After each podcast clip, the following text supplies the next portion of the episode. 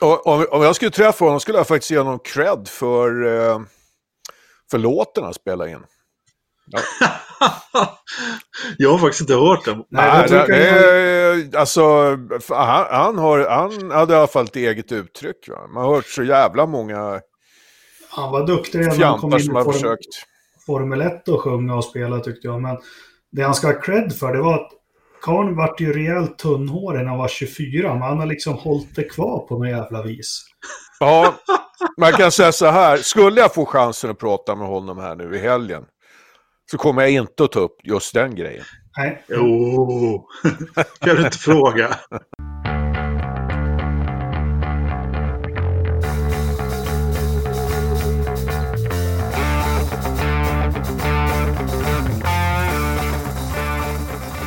Spelar du in nu Anders?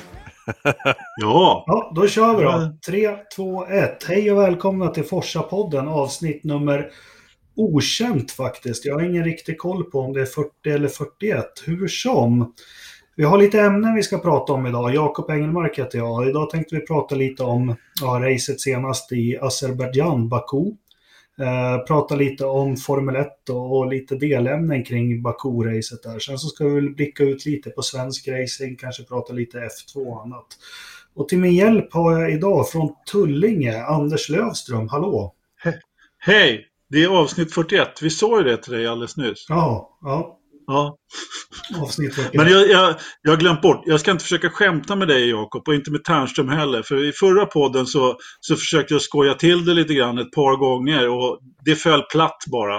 Och jag har fått svara på massor med konstiga frågor efteråt. Så jag, jag ska försöka vara fullt allvarlig i minst en timme idag. Ja, så du vet. Eh, humor är ju inte din grej. Och direkt från Nej. Costa Ricas ambassad i Huddinge, Joakim Ternström. Du är klar med bokföringen sägs det. Ja, den italienska är jag klar med. Men eh, den andra eh, måste jag ja, fixa till här nu lite, lite i, eh, lite i skymundan, så att säga. Ja, jag blev lite ja. frågande där, Costa Ricas ambassad, vad tusan ja. Sen läste jag att de har ju inga utlämningstillstånd med Sverige. Så det nej. förklarar saken. Nej, nej, ja, ja. ja. Eh, bra med Joakim. Jo, men det tycker jag väl att det är. Det är, eh, det är lite vår i luften, mycket att göra. Det är, eh, det är svensk racepremiär i helgen här. Så att, det är den som jag håller på att jobba med då, med V8 Thundercars. Ja. ja, det är lite pyssel. Lite pyssel få prata lite om det. Men vi direkt går vi igång då. Det var ju race här i helgen. Azerbajdzjans Grand Prix i Baku. Eh, Valtteri Bottas fick en eh, seger uppkört. Vad, vad har vi att, att säga om loppet om vi börjar där? Ja, vad ska vi säga? Eh, tycker du att den var uppkörd? Jag vet inte om jag tycker den var så där jätteuppkörd om man ska vara helt ärlig. Det, det var väl ett, det var väl en eh, helt vanlig Valtteri Bottas-seger. Jag eh, tyckte att loppet var skittrist. Det var ett av de tråkigare Formel 1-loppen på länge. Jag vet inte, jag...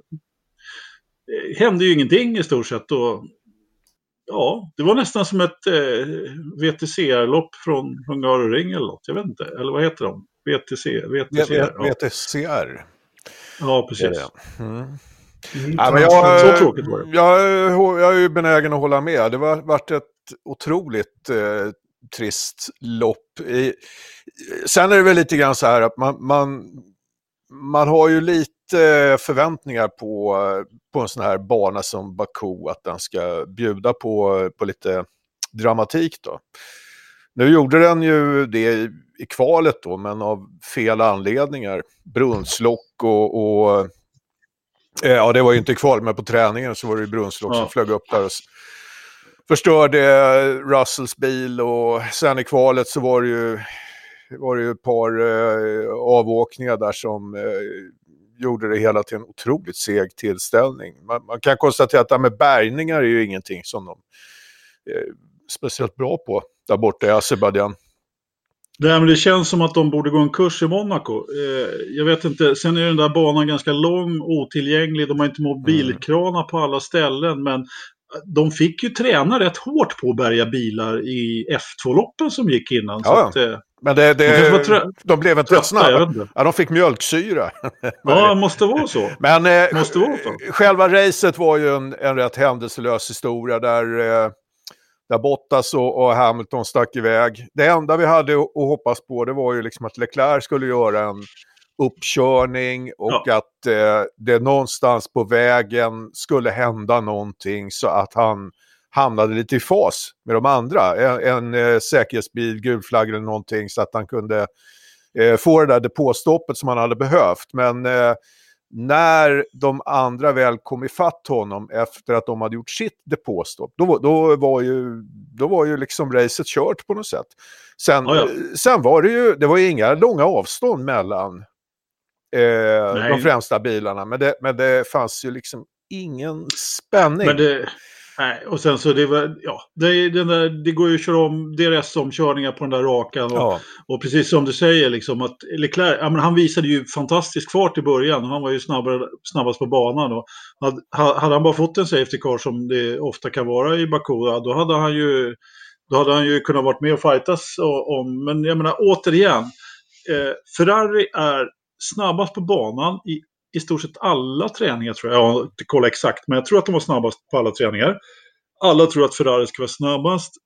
Leclerc misslyckas i kvalet och eh, eh vet du, Vettel gör, Mercedes skåpar ut dem, tar första och andra platser mm. och kör kör i mål som eh, liksom den fjärde dubbelsegen. När, vi, när alla har trott att Ferrari ska vara den snabbare, är den snabbare bilen. Ja. Det säger ju någonting om Ferrari igen. Alltså. Jag, eller vad säger jag? Ja, om både Ferrari och Mercedes. Ja, det, det, om man ser så här på fyra race så hade det lika gärna, eller det borde ha varit 2-2 i segrar. Ja, eh, precis. Leclerc skulle ju ha vunnit på, eh, i, i Bahrain. Nu, nu, nu, är, nu är ju inte det det som hände Leclerc där, det är ju sånt som kan hända eh, ja. vilket team som helst. Det har kunnat hända Mercedes också. Så det, det, det, kan man väl liksom inte riktigt klandra Ferrari för. Men, men eh, här, den här gången kändes det som att de spelade bort korten för sig själva. På, eh, på något vis, redan i kvalet. Eh, för jag, jag, tror att det var lite grann så att eh, när de chansade på att köra på mediumdäck i, eh, i eh, Q2. Q2 så eh, la ju det extra press på Leclerc eh, och, eh, och även Vettel liksom att eh, gasa på ordentligt för att eh, eh inte tappa Q3-placeringen. Samtidigt så såg man ju, jag bara avbryter det kanske, så såg man ju varför de valde att göra det i racet sen, i loppet. Så mm. såg man ju vilken fart han hade Leclerc när han gick ut på mediumdäcken ja. i början. Så det, man, man, förstår ju varför de tog, gjorde det valet. Så. Ja, och så kan, så kan det vara. Men, eh, ja, nej, men jag, jag vet inte. Det eh, det är klart att Leclerc ska ju kritiseras för, för den där missen. Det spelar ju ingen roll ja. vad Ferrari har för strategi så måste han ju se till att hålla sig på banan. Ja, och, och, och, han var ju den av dem i toppen som inte gjorde det. Nej. Och, eh, så det, det hamnar naturligtvis på minuskontot. Ja. Eh, men, men eh, det, det, det var i övrigt en rätt eh, medioker eh, tillställning ur, ur ett Ferrari-perspektiv, det får man ju lov att säga. Eh, fartmässigt under racet så kändes det ändå som att eh, Leclerc och, och Vettel var eh, i paritet med varandra. Ja. Så att, eh, ja.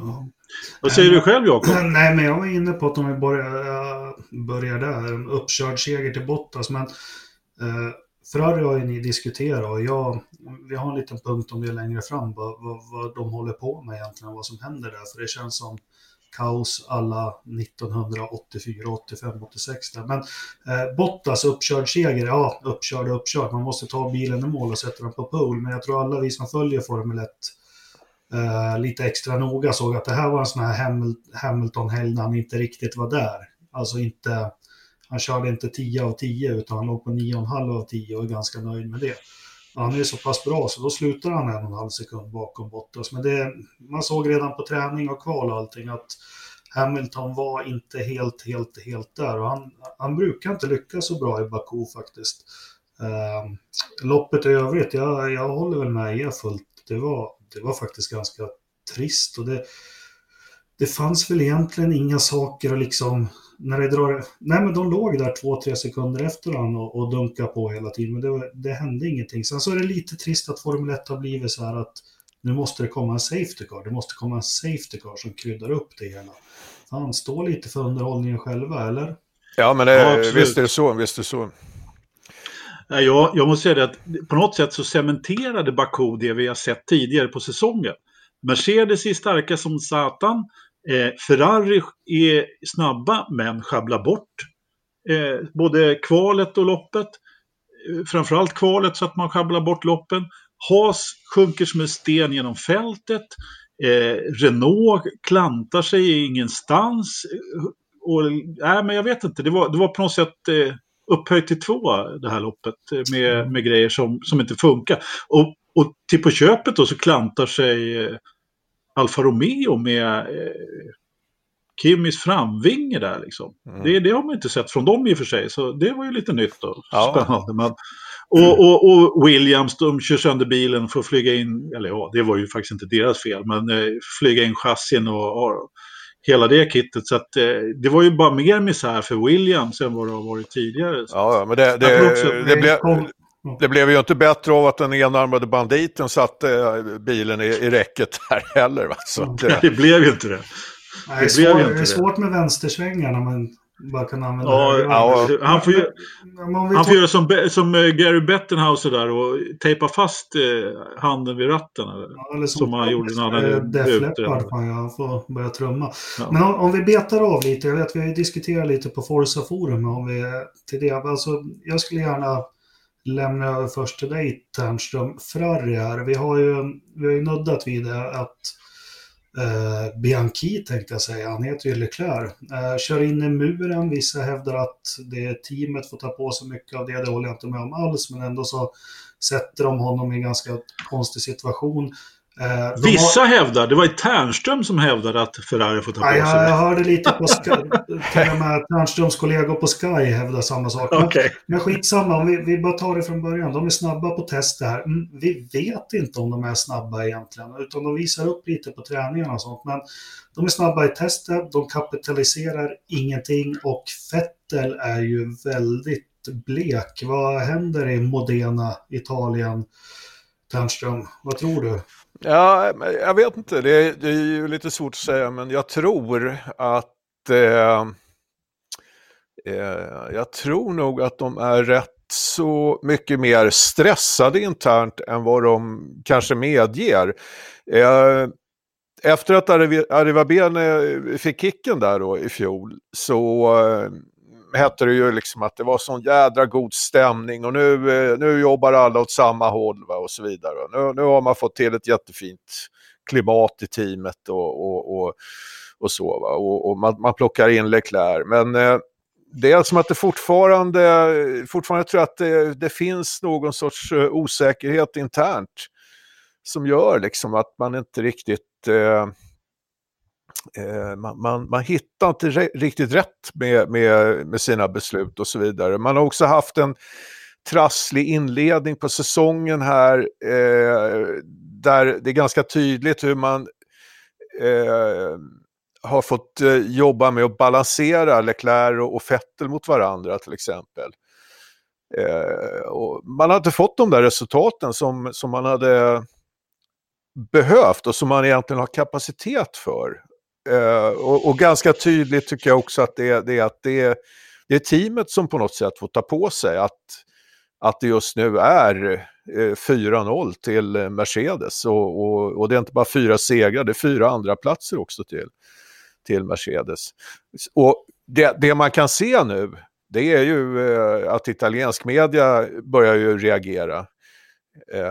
och, och de är ju rätt hårda i sin kritik mot, eh, mot teamet. Och det här, eh, jag tror ledningen i Ferrari är under en jäkla press. Va? För att har man eh, liksom kickat den förre bossen Arriva Bene under sånt buller och bång va, så, så finns det ju en förväntan på att nu ska det fan med gå bättre, nu är det rätt gubbar man har tillsatt. Och jag tror att förtroendet börjar svikta. Ja, Anders, eh, vad tror du? Du säger det också med byten av chefer. Det börjar likna McLaren det här sen, vad är det, 2014 fick Dominicali gå va? Eh, så sen ja. 2014 så har man haft fyra, fem stycken stallchefer och det, det är ju faktiskt aldrig bra. Men Anders, jag, jag känner så här att de har målat in sig ett hörn med föruppställningen här nu, att de har Fettel, Eh, som på något vis, ja, det skulle bli deras nästa mästare när han anställdes 2015. När ja. vågar de låta pendeln slå över och fimpa honom? Inte det alltså, utan ni får köra om det på banan. Ja, men det är ju 10 000 kronors frågan lite grann. Jag tror att, eh, alltså om jag, jag tror att pendeln redan har slagit över på något sätt. Att eh, det går inte att stoppa Leclerc om han kommer fortsätta att vara i den här formen som han har varit. Och ta bort de här misstagen som han har gjort. Och, och, ja, vissa vill ju hävda att det är Ferraris misstag också, men så mycket som man har, eh, som man har satsat på Leclerc egentligen, det, det, alltså det finns ingenting Fettel kan göra. Jag, jag börjar luta mer och mer åt du är ingen större Fettel-fan, eh, Jakob, och tycker inte att han är, håller Alonso-klass jag har väl tyckt att han har gjort det, men alltså jag börjar tvivla lite grann. Jag börjar tvivla lite på, på Vettel och hans kapacitet faktiskt. Jag tycker inte att han eh, ser ut som den kommande världsmästaren i Ferrari. Han gör inte det nu. Han kanske får bevisa mig fel, men alla de här misstagen som han har gjort, han ser inte, han ser inte hungrig ut på samma sätt. Han är, nej, han är inte där riktigt. Och jag, jag är ju ganska övertygad om att du har eh, Leclerc, han har skippat teamorder, stallordet i två lopp och han hade nog gjort det igen om han hade fått eh, möjligheten. Så att eh, jag tror att han kommer att vinna lopp i år eh, om de bara får ordning på det där stallet någon gång. Men eh, jag tror jag tror väl kanske inte att man, har, att man eh, avser att eh, meddela på lördagen på Monza att Fetter lägger av. Jag är inte riktigt där än men, men, behöver, behöver man i Fettel, för han ser faktiskt ut som en Kimi Räikkönen när han åker och, och samlar lite ströpoäng ja. för Ferrari. Men Ternström, har du någon, någon färdigspikad kista åt Fettel att lägga han i eller? Mm, nej, men jag har ju känt ganska länge från, från uh, ja, redan, redan i fjol att uh, det här blir nog Fettels sista säsong. Uh, men jag, jag, tror att ett av problemen här är nog också att eh, han känner sig underminerad i teamet. Eh, han, han, han känner att eh, team, teamet eh, satsar på Leclerc, det är ju framtiden. Och eh, kanske, kanske att teamet borde ha backat Fettel mer eh, inledningsvis under den här säsongen eh, på något vis. Men då hade det naturligtvis krävts att han också hade levererat. Eh, ja, men det, är, det är en knepig situation. Jag, jag, är helt övertygad om att det här blir hans sista säsong och, och eh, jag tror ju inte att det kommer att gå till på det viset att det är Ferrari som eh, eh utannonserar en ny förare under säsongen. Utan Fettel kommer att få leverera det här beskedet själv naturligtvis. Eh, något annat vore ju eh, fruktansvärt eh, illa. Han, kan, han kanske kör med, med Kim i Alfa Romeo nästa år? Nej, jag, jag tror att det är färdigkört för, för Vettel. Han, han har inte den där... Eh, han brinner inte liksom för racing på, på, på det sättet som Kim gör inte. Nej, inte på samma, inte på samma sätt. Och, Men alltså Kim är ju på något sätt, han är ju ett unikum. Liksom. Ja, ja. Snubben är ju... Och, alltså jag... och jag tror heller inte, jag, några har ju ställt frågan på forumet, ja men eh, skulle Fettel kunna gå någon annanstans? Så jag tror inte att det, det är inte aktuellt. Alltså vart, vart skulle han ta vägen? Han skulle... Eh, alltså Red Bull har ingen anledning att ta in honom, de har Förstappen.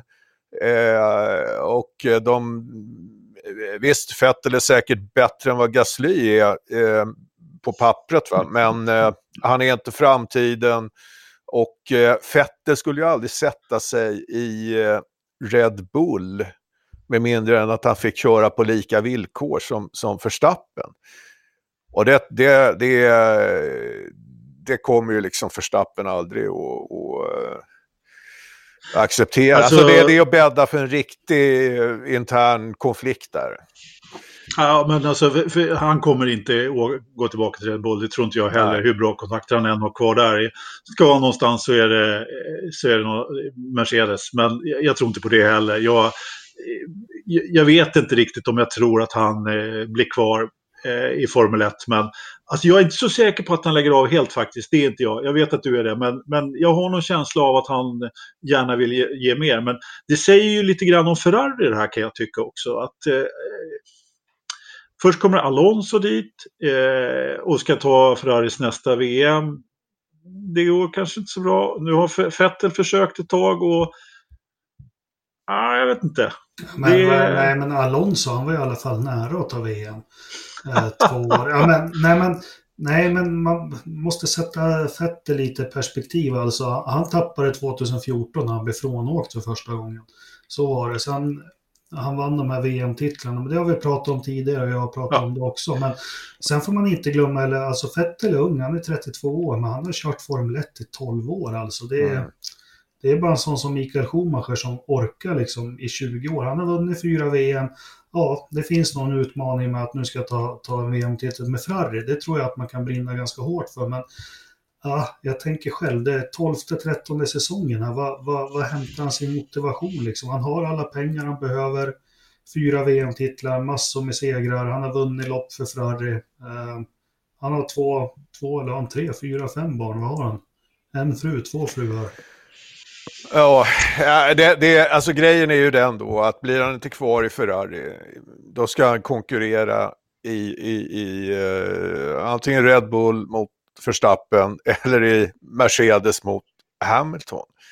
Alltså den, den mentala ansträngning som det skulle kräva att eh, etablera ett övertag mot någon av de två.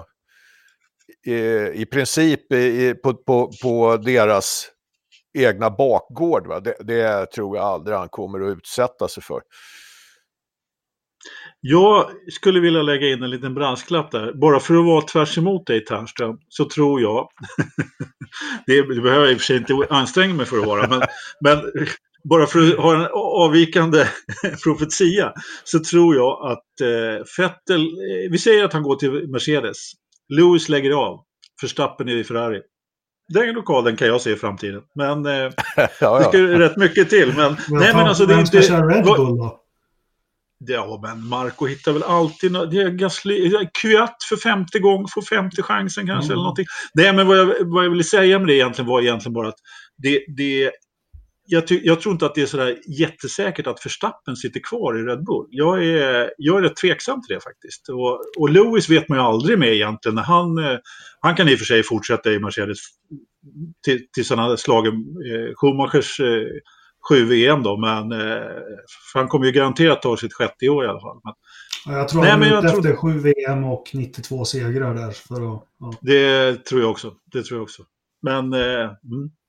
Ja, men skit i dem då. Eh, Fettel, han började också i Sauber en gång i tiden, så han kanske kör den år med Kimmy. ja, se. men precis. Ja, men eh, precis. Ja, men det blir spännande att följa, särskilt det som Ternström är inne på, dels på forum och, och sen här också, hur, hur det börjar knaka lite i fogarna i Italien nu.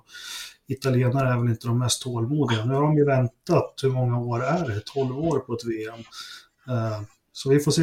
Men jag tänkte en annan sak. Eh, det fanns ju inte så mycket gott att plocka ur loppet. Jag har bara några grejer som jag tänker på. Eh, Penner svänger lite Renault. Ricciardo är snabbare nu, två lopp på raken än Hylkenberg.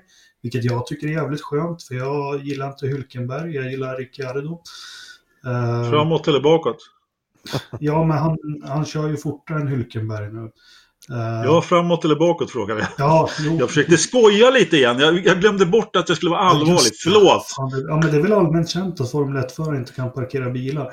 Uh, något som är otroligt imponerande att han inte får sitta i ett toppstall igen. Det är ju Perez gick ut och sa att, att Lance var den bästa stallkamraten han någonsin har haft. Och ändå, han kör ifrån honom med en och en halv till två sekunder varje kval. Ja, och, och jag, jag, är inte heller sen. Perez har ju kört mot Button och Hülkenberg och andra, så jag är beredd att hålla med honom. Mm. Uh, vad är det mer som händer i fältet sådär som man kan läsa av från... Kan jag få kommentera Stroll, eh, vet Perez bara? Ja. Hur Ternström, ja. hur, hur dålig är Stroll på att kvala på en skala? Du som gillar snabbkvalare. Vi hade ju en annan kille som körde för, för Sauber några år här som inte var någon eh, hejarkvalare. Jag menar, Stroll, han, han har ju en allvarlig Marcus-sjuka. Ja, ja, men det är eh, Stroll, eh, Stroll borde ju inte eh, vara med i F1. Alltså, jag menar, han, han är ju inte där på sina meriter. Nej men vänta, stopp här. Marcus sjuka, har han för mycket stålar eller backar eller vad? Det med. Det är väl en jättebra. Men, nej, men han, han kvalar ju riktigt dåligt. Men ja. samtidigt så gjorde han ju ett hyfsat lopp i Baku. Nu är ju Baku ju hans eh, Strolls favoritbana då. Press också tror jag. Eh, så de har gjort bra lopp där tidigare men... Eh, eh Ja, hör du eh, eh, Jakob, om du ska prata får du sätta på mikrofonen förresten. Ja, men jag jag hade inte tänkt säga något. Eh, men, men, men, jag såg bara att det var. Men hörni, eh, jag tycker väl att det finns, alltså det som är värt att lyfta fram, det är ju, det är ju en del insatser i alla fall som eh, jag imponerades lite grann av. Och eh, Perez är, är ju en av dem, han har ju haft en rätt bra inledning också på, på säsongen. Han håller en eh, rätt bra och hög nivå. Eh, Sjukt stabil. Ja, precis. Och eh, eh nu, nu eh, är det ju så att eh, eh, Albon får ju väldigt mycket cred. Men eh, jag skulle nog vilja lyfta fram Kviat också. Han är, han är med där eh, uppe och, och, och nosar på poängen konstant och, och, tycker jag gör, håller en bra, stabil nivå. Jag utbrast under loppet när jag såg eh, han, honom och hans och Ricardos bil. Jaha, nu har Kvyat kört in i Ricardo igen. Mm. Och så kommer reprisbilden. Ja, ja, Ricardo helt, körde av Kvyat. Helt oskyldig var han ju. Ja. ja, men är någon alla glömmer jämt i alla år så är det ju Carlos Sainz. Som jag hävdar i avsnitt efter avsnitt att jag tror på. Men han, han gör väl ett jättejobb och nu fick han ju lite tur och poäng med sig för en gångs skull. Ja. Han, eh, jag har aldrig glömt eh, Sainz faktiskt. Jag ser honom som en eh, riktigt bra förare, helt klart. Nu, jag vet inte om det var tur, men eh, det var, Norris har ju faktiskt överglänst Sainz, kan, kan jag tycka här i inledningen. Nej, nej, nej. Nej. Jo, det tycker jag visst det. Du, du, Jakob, du får tycka precis vad du vill. Ja. Norris har gjort en riktigt bra insats för att vara rookie. Sainz är trots allt, vad är det, vilken säsong är han inne på? Tredje? 14 börjar han, men... 14, 15, 16, 17, 18. Vad fan? Sex, ja, du ser. Sjätte säsongen. Bara dubbelt så många. Du ser. Vad fan, han... Eh, Norris har ju gjort ett riktigt bra jobb tycker jag. Klodde honom dessutom i både kval och lopp, eller hur var det? Ja, fast kvalet, det... Ja, ja man ska ja, inte och sen så... Och Nej, men, ja. Ja, är det något fel på Norris? Ja, men sen så Nej, det är inga fel alls på Norris, för... men kom inte att säga att han överglänser Science. Men, alltså, ska du hålla på och, och hävda några sektortider på varv 27 nu och, och komma med en tes, Anders? Nej. Nej, har jag gjort det? Nej, jag Nej. säger bara att eh, eh Norris eh, har varit väldigt bra i inledningen. Och om du inte tycker att han har överglänst Science om det var fel ordval eller vad det kan vara, då får det väl vara så. Jag tycker i alla fall att Norris har gjort en fantastisk säsongsinledning. Han har i alla fall inte gjort bort sig speciellt mycket. Han har tagit poäng i två lopp av eh, fyra och gjort det bra. Dessutom så gjorde han ett riktigt bra lopp i Baku. Sen tog de ju in honom på slutet där så att eh, sätter på nya puckar så att Sainz skulle kunde åka förbi då. Men eh, det hade de väl nog bra. Framförallt så har ju McLaren då dessutom gått framåt. Ja, att, eh... Tärnström, du brukar ju ofta du gör ju bra analyser vilka stall som har gått mest eller minst framåt. Vad säger du om McLaren? McLaren i år, har hon gått framåt eller bakåt? Ja, det är... Om vi säger så här, det, det känns som att de, de, de, är på ungefär samma avstånd från topp tre som de har varit tidigare. Eh, men... Eh, Ja, nej, eller rättare sagt, nej, de har ju flyttat fram sina positioner. Visst fasen har de gjort det. det, det måste man ju säga. Det, det kan man inte säga någonting annat. Faktiskt. Ja, det var du och, och, Ja, jo, men då, det ser ju rätt bra ut. Det, det enda är väl att går det bra för dem så eh, blir ju... Då får vi ju dras med han, eh, vad fan heter han nu igen? Zack. Zack, ja precis. Jättebebis Brown. ja. ja, men han... Det här är väl räddningen för hans eh, stint i, eh, i McLaren. Att eh, det börjar ramla in poäng här. Aha. Ja, ja, men bra där. Eh, lite annat liksom, som jag tänker på också. Ni var inne på det här brunnslocket. Det behöver vi inte prata om vilken arrangörsmiss det är och hur livsfarligt det kunde bli. Men sen är det ju jävligt tragiskt att det drabbar Williams. Men eh, vi snuddar vid det, förutom att de har en en av de fulaste bilarna jag någonsin har sett när det gäller färgsättning och sponsorer och allting så går den otroligt långsamt och nu kommer det rykten från höger och vänster om att stallet eh, kommer bli uppköpt. Eh, är det någon av er som vet något mer om det? Eller tror något? Ska vi spekulera lite? Vet? det, är, det är inte så att vi eh, sitter och fikar där på Williamsfabriken och jag pratade med Claire nyss, men kör du först. Ja, ja. Vad har du snackat med Claire? Var det i samband med att du skulle betala underhållet där för den där? Precis. Nej, men eh, nej, jag vet inte. Det, det kommer ju lite sådana här rykten och, och eh, det är väldigt sällan som, eh, som det är rök utan eld. När, när det dyker upp sådana där rykten. Och, och sen tyckte jag det var lite intressant med eh, Claire Williams dementi. Det behöver inte ligga någonting i det, men, men eh, där hon säger att jag tänker inte sälja. Eh, jag vet inte, det, det, hon, hon bestämmer ju inte helt själv över hur affärerna görs i, i Williams. Så det fick mig att eh, misstänka att det kanske ändå försiggår någonting inom Williams eh, bland ägargruppen där. Där man eh, kanske vill försöka tvinga fram en, en försäljning av F1-teamet, även om det är så att man på, på ägarsidan är minoritet.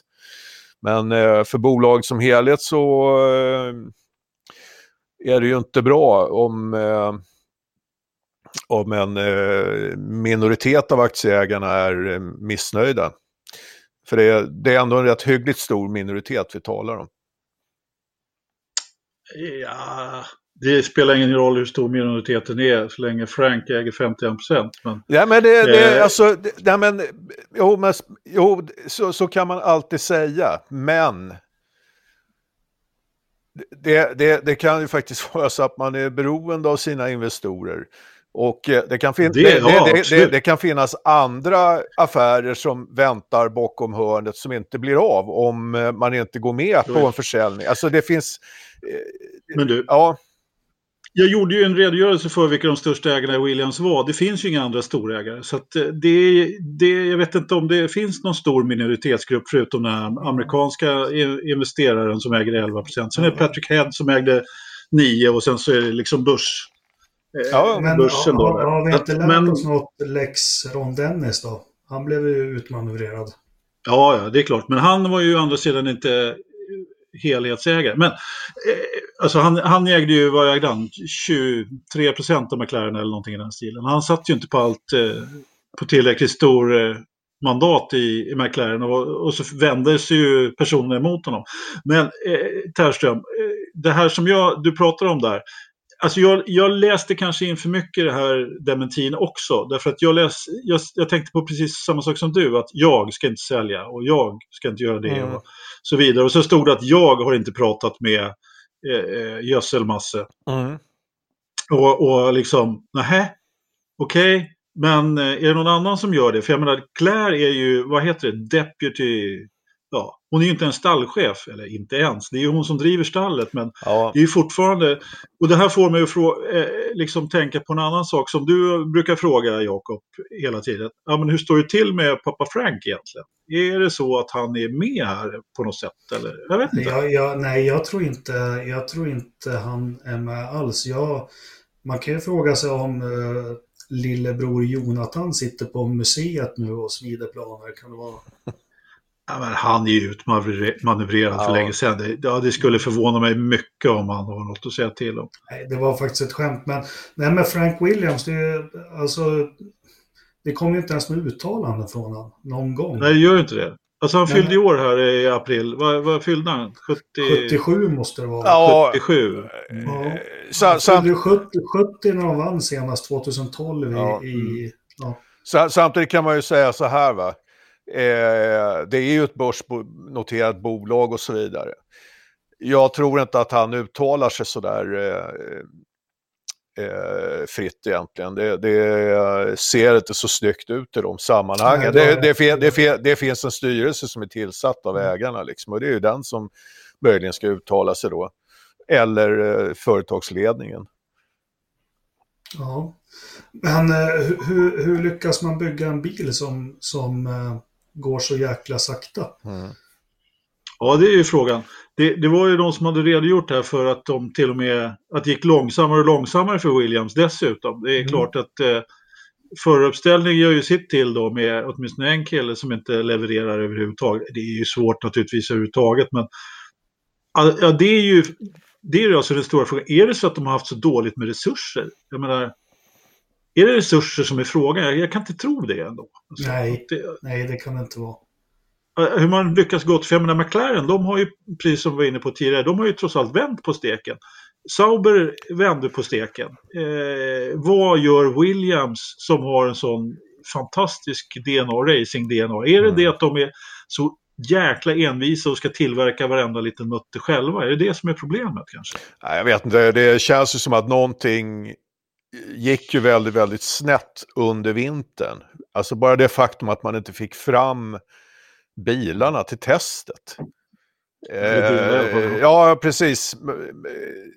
Men eh, det känns ju eh, känns väldigt märkligt. Det, det känns som att eh, på, på, på, något sätt så är, är det någon internt som inte gjorde sitt jobb.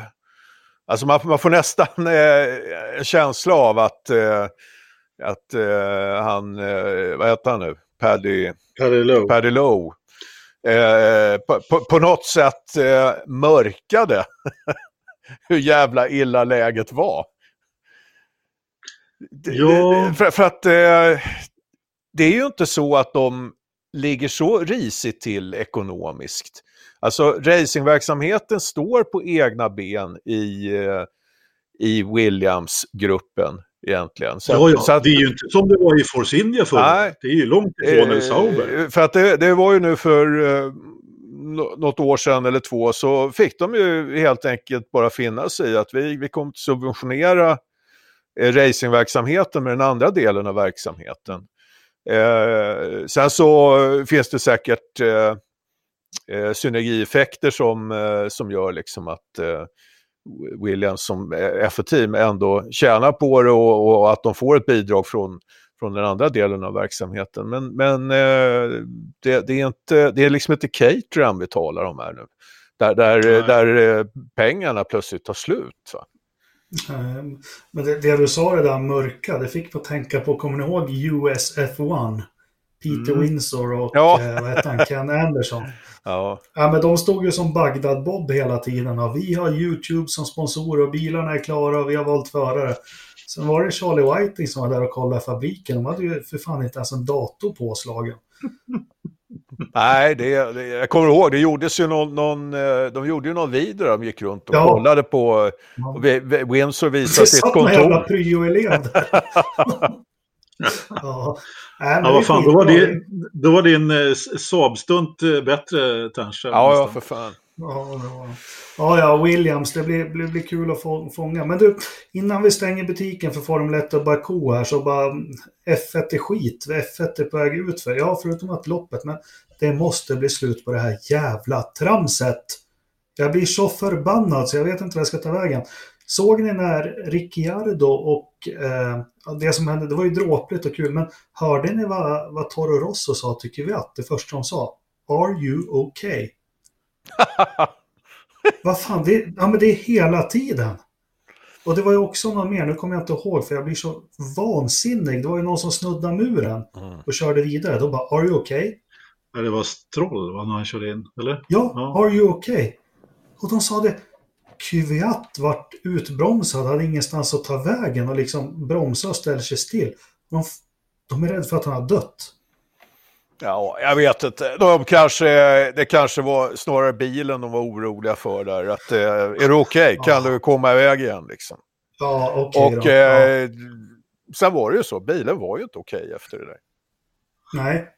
Nej, det var det, där, det, det där var, alltså Ricciardo har eh, inte imponerat på mig hittills under den här säsongen och, och hans eh, stallbyte där, det, det, är nog något han eh, ångrar under, under, ja, under dygnets mörka timmar. Har inte du varit inne på att han, du inte behöver spika kista åt honom utan han håller på och mallar upp den och spikar upp den själv? Ja, han spikar ihop den inifrån. Ja, en bra titel. Ja, men bra. Det. Ska, vi, ska vi stänga dörren till, till Formel 1 här? Och vad nästa lopp? När har vi det? Nästa helg, va? Det är Spanien. Spanien, ja. ja. Kanske Eventuellt, ja, precis. Eventuellt sista gången i Spanien. I Spanien. Mm. Fan vad skönt. Ja. Eller hur? Tionde, tolfte va? Den helgen tror jag. Mm. Jag ska de till Sandwart? Då kan de väl åka till Anderstorp lika gärna.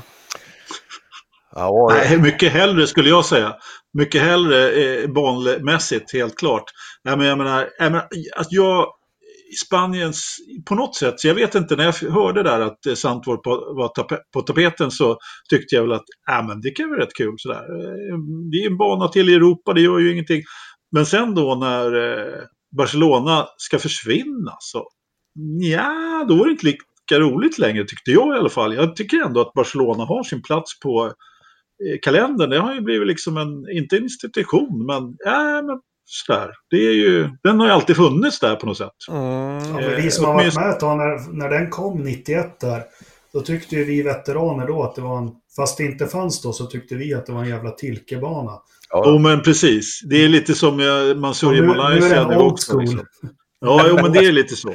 Ja. Det är lite så, helt klart. Men. Ja. Nej, men eh, deras kontrakt går ju ut i år. Och jag vet inte om det här är klassiska Bernie-förhandlingar om att eh, de, nej men vi tar bort dem. Eh, det kan ju vara så naturligtvis. Eh, det är ju några till kontrakt som går ut. Men England går ju ut bland annat. Där var det ju någon som hade skrivit att det var klart och sen så hade de vad hette han då? F1-journalist. Jo Seiward heter han. han hade skrivit någon story där om att Storbritanniens GP var rädd att för x antal år framöver och då hade han fått en, ett samtal när han landade hemma i England igen att, eh, från någon i styrelsen där på Silverstone som sa att nej, det är inte alls klart. Nähä. Så var, han var väldigt förvirrad, så han var tvungen att skriva en dementi där, men han trodde fortfarande att det var klart. Så att, uppenbarligen så är det ju så att man håller på med någon form av förhandlingar för nya banor. Det var någon mer bana, Mexiko mm. går ut. Mm. Ja, men på tal om Bernie, han var ju det på. Fan vad fräsch han ser ut, vad är han? Han är 130 år.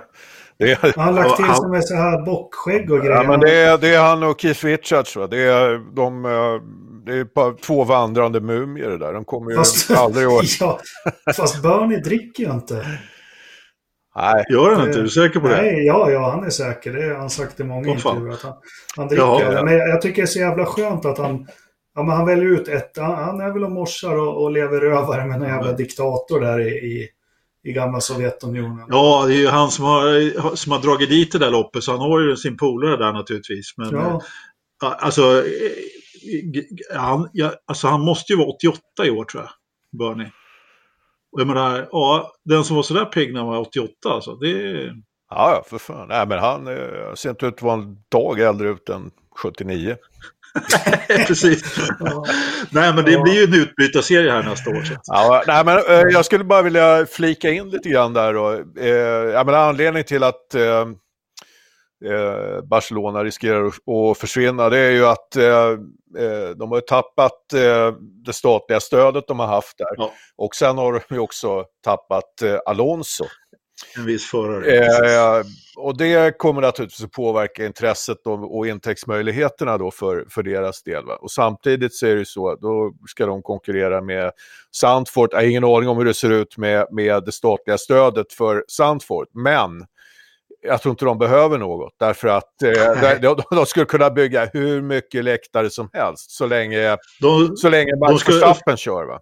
Så att, de eh, skulle fly, kunna flytta Indianapolis Motor Speedway dit och fylla den ja, ett par gånger om. Ja, men eh, säkert. Så att, eh, eh, det kan nog mycket, mycket väl bli så att vi får se eh, Sandford på kalendern. Det som är jävligt trist är ju att eh, eh, banan kommer ju att byggas om, den kommer att förstöras. Eh, är Tarzan kvar?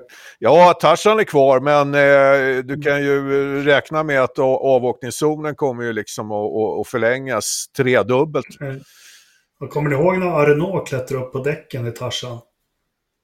Ja, man, man, har sett så jävla många bilder därifrån med, med bilar som åkt rakt igenom de där hönsnäten de ställde upp där. Men, men, men det, det, som är jävligt trist, alltså ra, startrakan måste breddas och ja, det, det, tyvärr, den, den lilla karaktär som fortfarande är kvar av original Sandford kommer att försvinna. Och det är lite ja, trist. Ja, alltså det, det, går ju inte att köra om som det är nu på banan och den har ju, den har ju inte åldrats med värdighet riktigt den här banan. Så det behövs ju något riktigt ordentligt om man ska göra. Ja, ja men, men, men alltså grejen är, vad fan, det, det, det skulle gå att köra och jag tror att det skulle kunna bli eh, rätt underhållande racing då. Det är inte alltid så att bredare banor gör att eh, det blir fler, fler omkörningar.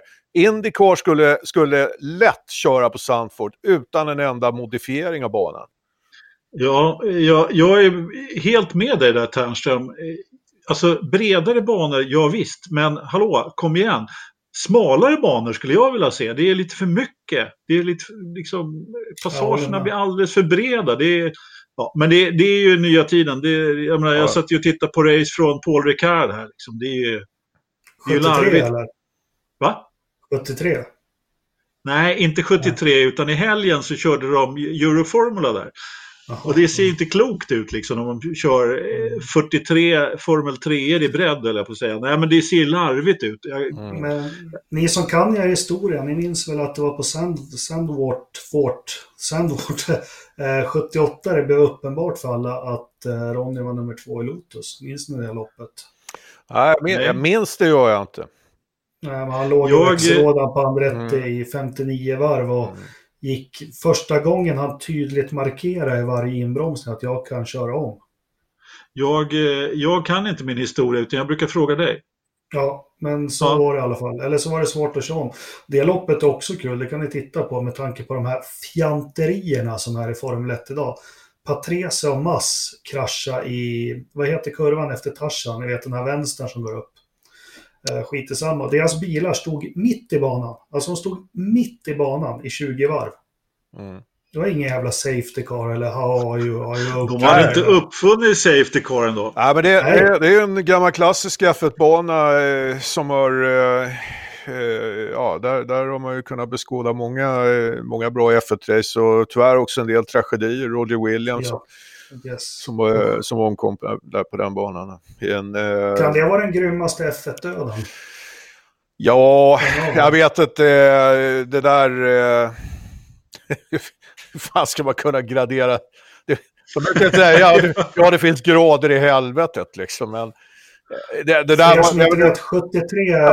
Roger Williamson körde in i räcke och bilen välter. Sen mm. hamnar upp och ner och glider längs räcket jättelänge. Han är helt oskadd, men kommer inte ur bilen och hans stallkamrat eh, Dave... Den, nej, det, David Purley. Jag är osäker på om ja. de var teamkamrater, men eh, det är ju så här då, bilen börjar ta eld va? och funktionärerna mm. Ja, men liksom det, det, finns inga brandsläckare, de, de har ingen utrustning liksom för att och, eh, liksom kunna gå nära den här brasan helt enkelt. Va? David Purley ser det här, stannar sin bil, hoppar ur, och, och liksom gör precis allt för, för att försöka rädda Williamson, men det går inte liksom. Och den, det, det är fruktansvärda Fast, bilder för man, man, ja. man, ser liksom hur, hur, hur han kämpar och, och, och, och förtvivlat alltså. Men mm. det går inte. Va? Och, och, de har några futtiga brandsläckare som inte räcker till. Liksom. Och, och, och, och loppet fortgår. Eh, Vet du vad det tragiska med det är? Får jag bara berätta? Ja. ja. Ronny fick ju bland annat mycket kritik för han syns ju, han kör ju förbi där i 230 och det gör ju alla. Mm. De kör ju bara förbi den här situationen. Ja. Men Ronny skrev i sin krönika i, i Teknikens Värld att han såg ju Pearly stå där. Ja. Och han är helt säker på att ja, men då har han kommit ur bilen. Mm. Att det är han som har kraschat och kört. Så ja, ja. det är vidrigt. Ja, är det och... Eh ja, jag vet inte, eh, Purley blev ju eh, hjälteförklarad efter den där mm. insatsen. Eh, helt riktigt, han var väl en gammal eh, fallskärmsjägare eller något sånt här för mig. Vart han inte OBO, OBE? Ja, jag tror det. Sen så omkom han i någon eh, olycka. Jag kommer inte riktigt ihåg. Mm. Och, och, det var inte på tävlingsbanan, utan det var i något, något annat sammanhang. Men han var en jävla hårding den här Purdy alltså. Mm. Det var alla då? Ja, men, men eh, om, om, om han utmärkte sig genom att vara en hårding så då förstår man, då var det en riktig hårding. Ja, ja. ja vi får se hur det går med det där. Men då stänger vi F1-butiken här lite. Så jag tänkte bara... Jag ska bara säga, får jag bara säga en sak till när vi pratar nya banor där? Eh, en annan grej som, jag, som eventuellt är på gång är att det blir ett stadslopp i London också. Det har de ju på att prata om också är i samband med den här eh, varianten med med eh, Storbritanniens GP som de håller på att förhandla. Det var det han sa, Anders, som jag nämnde förut, att han kanske, det kan vara det som ställer till det lite grann så att vi kan få två lopp i Storbritannien. Eh, både Silverstone och ett London GP. Det kan ju bli en Fast det har vi haft förut. Donington var ju Europas Grand Prix Ja, 93. ja jo, då får de... jo då, på så sätt. Mm. Absolut. Så det... Får de damma av eh, Europas GP igen då? Ja. ja. Ja, precis. precis. Ja, det var ju inte så många år sedan man körde Europas GP. Det var det första i Baku var väl Europas GP? Va? Ja, det har du rätt i. Du har rätt ja. Så när man, väl, man hade ju Luxemburgs GP i, på Nu börjar ringet ha på 90-talet. Minns ni det? Ja, ja, absolut. Annars kan man ju också köra vet, man kan köra Samarinos GP. Jag menar, det, det funkar ju också på rätt bra avstånd från Samarino. Ja. Ja. Men eh, är det bara jag alltså som skulle vilja se Lewis Hamilton balansera med högerfoten sin Merca genom karusellen på Anderstorp nästa år? Nej, det vore rätt kul. Ja. Det, det, det, det där är faktiskt lite intressant för att eh, det är samma sak där eh, som i Barcelona. När Anderstorp kom så var ju det en bana som eh, sågades så in i helskotta på förhand. Så att den såg ut att vara ritad med, med linjal och passare. Eh, den var bara säker sa de. Ja, precis. Och, och, och, det skulle bli så tråkig racing och, och, så vidare. Det som är lite kul är att den banan har ju faktiskt eh, åldrats med, med värdighet får man säga. Det brukar bli jäkligt bra racing på den banan faktiskt. Den är ju långt ifrån så bred idag som man upplevde den på den tiden, till exempel. Eh, och, och, för eh, även för andra former av racing än, än, än formelbilar så uh, brukar den bjuda på, på riktigt bra racing. Det går att ligga liksom i bredd i, i kurvorna och fightas. Så att, uh, Men den är helt kul. orörd va? De har, de har inte gjort någonting på den va? Nej, den uh, ser ut som, som den har gjort. Va, vem äger den? Är det Smokey fortfarande? S Smokey är, är död och begraven sedan några år tillbaka. Och det är, det är väl, ehm, jag är osäker på hur eh, ägandet ser ut där, om det är klubben som äger ja, jag, jag vet faktiskt inte riktigt hur det ser ut. Tetrapack. Ah. Ja, ja, det var, det var lite F2 också i helgen. Eh, jag tittar faktiskt på båda loppen, jag brukar inte göra det. Jag sa till min fru satt faktiskt med och tittade och hon var väldigt fundersam på att de bara körde efter en bil med sirener hela tiden. Men den, när man tittar på F2 eh, på en sån här bana, då förstår man hur jäkla skickliga Formel 1-förarna är. Håller ni med? Visst är det så. Det, det sätter ju saker i sin, i, lite i perspektiv. För att eh, precis som du säger så, så händer ju så jäkla mycket mer i F2, eller händer mer, men det, det, det klantas till det betydligt mer. Sen vet jag inte riktigt hur mycket som har att göra med eh, liksom, hur mycket mer det chansas, men det finns ju några förare i F2 som jag personligen inte tycker riktigt platsar där. Men eh, toppen tror jag är lite, ja, nu, nu är toppen inte riktigt så bred i Formel 1 som man kanske skulle vilja, men i år i alla fall så känns ju toppen i F2 inte speciellt eh, bred skulle jag säga. De verkar, det var mycket inte, safety car.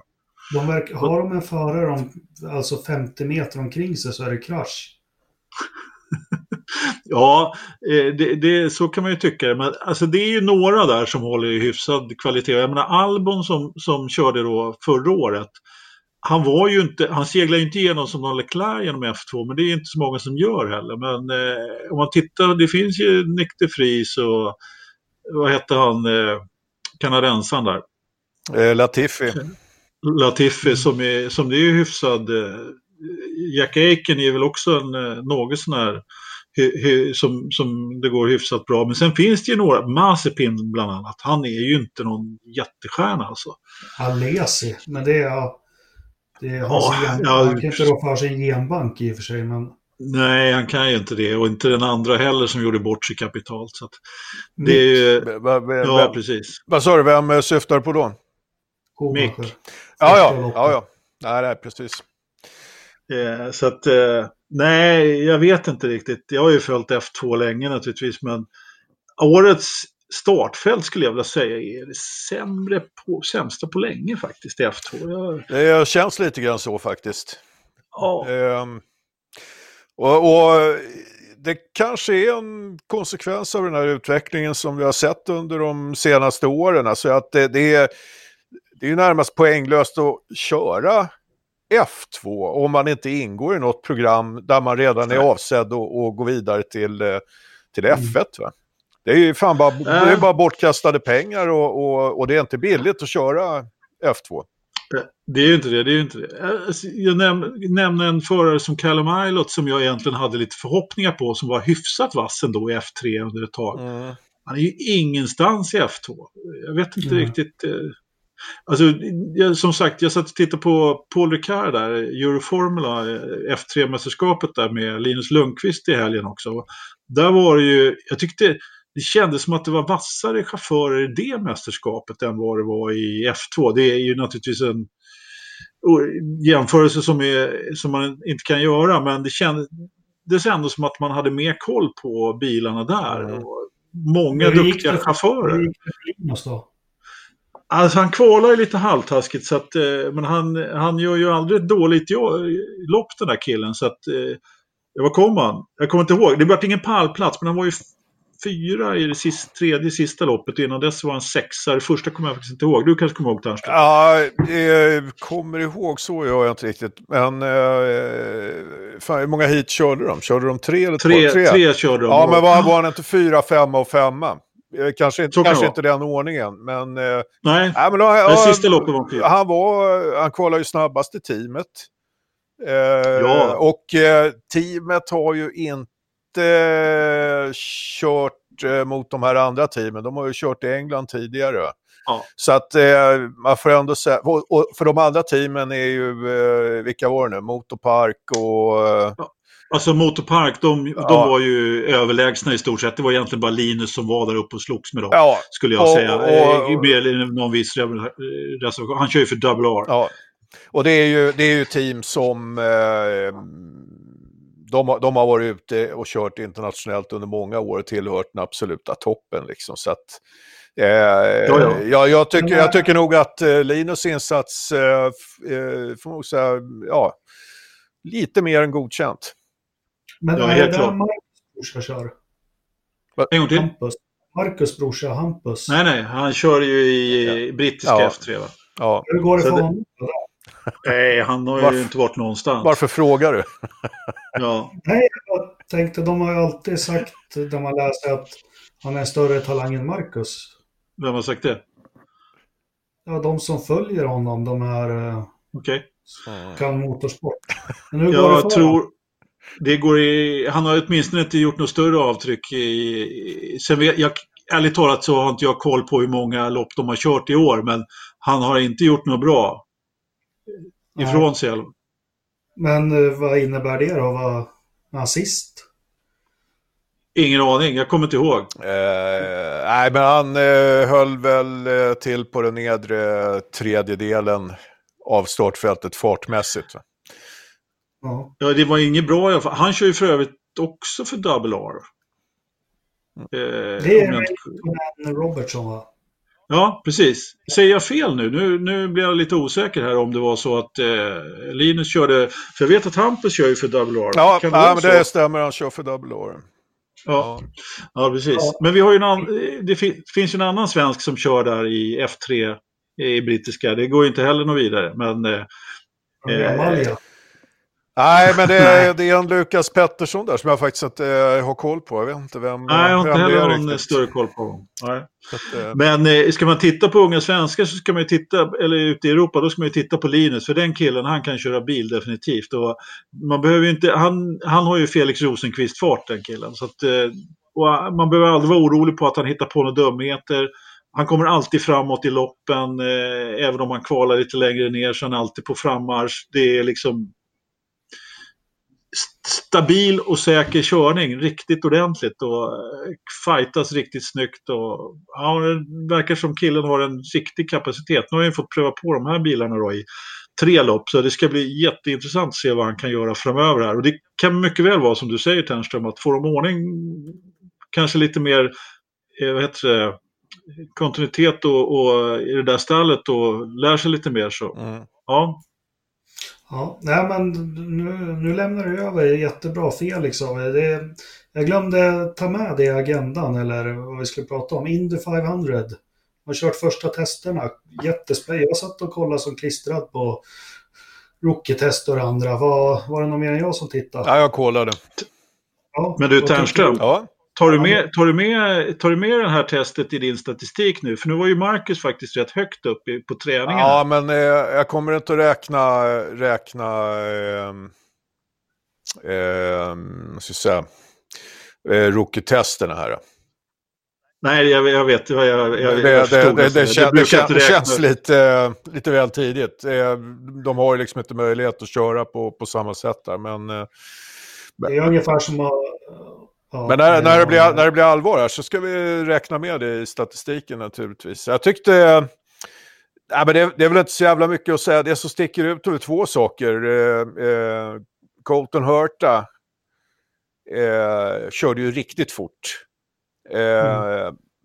Och eh, Marcus och Felix, eh, de gjorde det de skulle. Det, det går liksom inte att säga någonting annat. De gjorde, de, de gjorde sitt bra. Sen kommer de att behöva köra väldigt, väldigt mycket snabbare än, än vad de gjorde på, på testet här. Men, men, och det tror jag säkert att de kommer att lyckas med också. Men eh, Colton Hurta är redan där, det, det kan vi konstatera.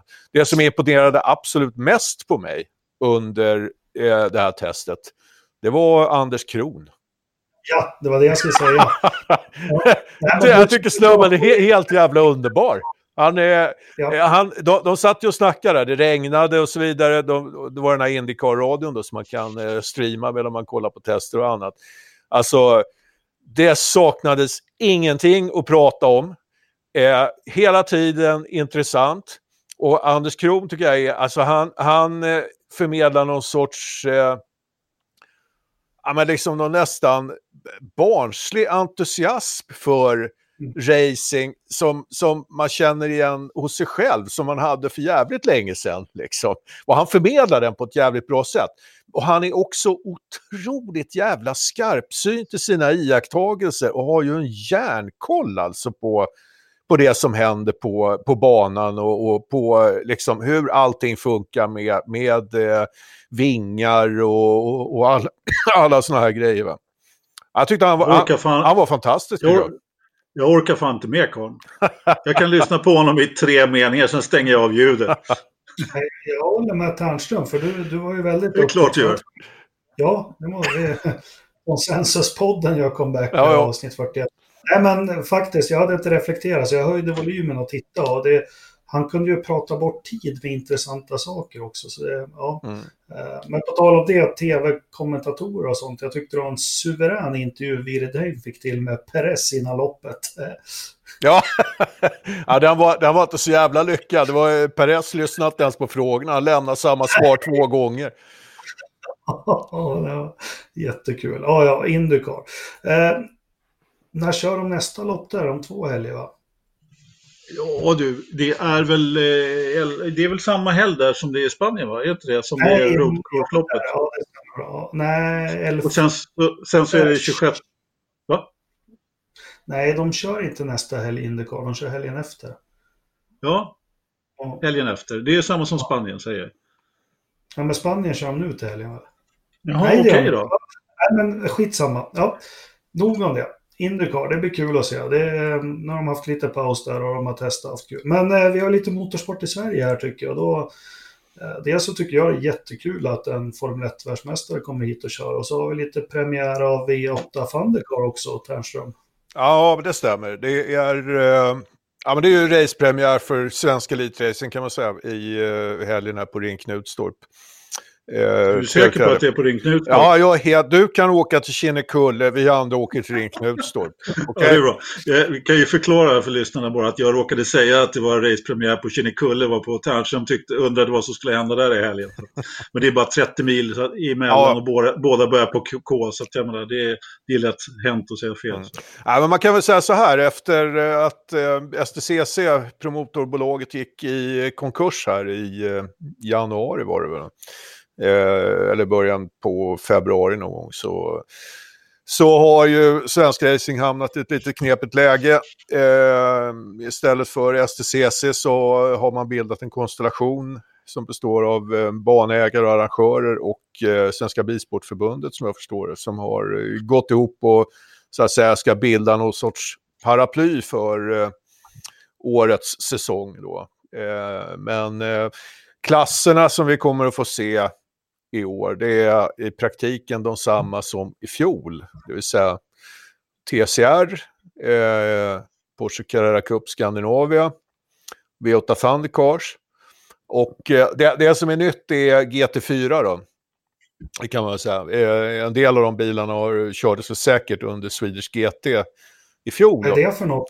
Som någon Toyota Celica från? Nej, men eh, det, det, jag tycker det är en rätt, eh, rätt bra klass och ett bra koncept man har fått till där. Alltså det är ju GT-bilar som är lite mer eh, standardbetonade än GT3-bilarna då. Som är eh, riktiga mm, fullblodsracerbilar då. Men eh, GT4-bilarna eh, baseras ju då på produktionsbilar eh, där eh, man också eh, har en del elektroniska hjälpmedel som man kanske inte alltid brukar se i, eh, i, i racerbilar sådär. Inte på den nivån i alla fall, men det, det, det är lite traction control och, och, och eh, ABS och lite sådana här hjälpmedel då, då som, eh, som gör att eh, det går bra att blanda proffsförare och eh, lite amatörer bakom ratten. Man, de körs ju i par de där bilarna. Så att, eh, och det blir, eh, de, de, eh, jag tycker att de ser rätt schyssta ut ute på, på banan, GT4-kärrorna. Men... Eh, det, Vad är det för bilar? Ja, men det, det kan vara Mercedes, eh, mm. kommer jag inte exakt ihåg vad den där modellen Mercedes. heter. Mercedes. och nej, men det är BMW och det finns eh, Ginetta och det finns allt möjligt där. Så att, eh, det, det, är en bra blandning med bilar. För min del så är det ju V8 Thundercar som gäller då.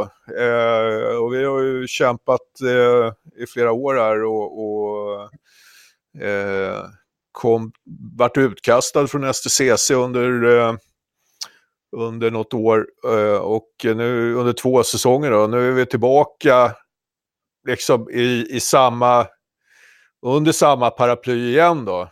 Vi körde tillsammans med STCC i fjol då, och eh, så gick STCC tyvärr i konkurs. Men, men eh, vi kör ju med det här gänget med klasser och eh, vi har fått ihop ett, eh, ett bra startfält. Vi kommer att köra tillsammans med eh, den danska motsvarigheten av V8 Thundercars, maskot DTC. Så att det kommer att vara ett rätt fett startfält som kommer att mullra runt på, på Ring Knutstorp. Hur, hur många bilar är det som... Eh, vi kommer att vara 21 bilar på, på Ring Knutstorp då. Men är det bara på Knutstorp som det är danskarna med eller? Ja, det är det. Eh, sen har vi... Eh, Sen har vi ett antal eh, deltagare som kommer att köra lite enstaka race. Så vi, vi, vi, tror att vi kommer att hålla ett snitt på ungefär 15 bilar eh, över säsongen, mm. vilket är rätt bra med, med tanke på läget i svensk racing just nu. Men du, du, säger, du säger i början, för min del är det V8 Thundercars. berätta lite, vad har du för funktion där? Ja, jag, är ju, jag är ju då press och mediaansvarig för, eh, för V8 Thundercars. Eh, från och med i år är jag även ordförande i eh, V8 Thundercars förarförening. Oj, ja. Ja, det, det, det är till att sitta på fler stolar. ja. I svensk racing så är det lite grann så att eh, rätt många av oss som håller på med det här får sitta på rätt många stolar för att eh, det överhuvudtaget ska fungera. Och eh, det... Ja, det... Vilken stol är skönast då? Ja, jag vet inte. Jag, jag sitter egentligen på samma stol. Jag byter hatt istället.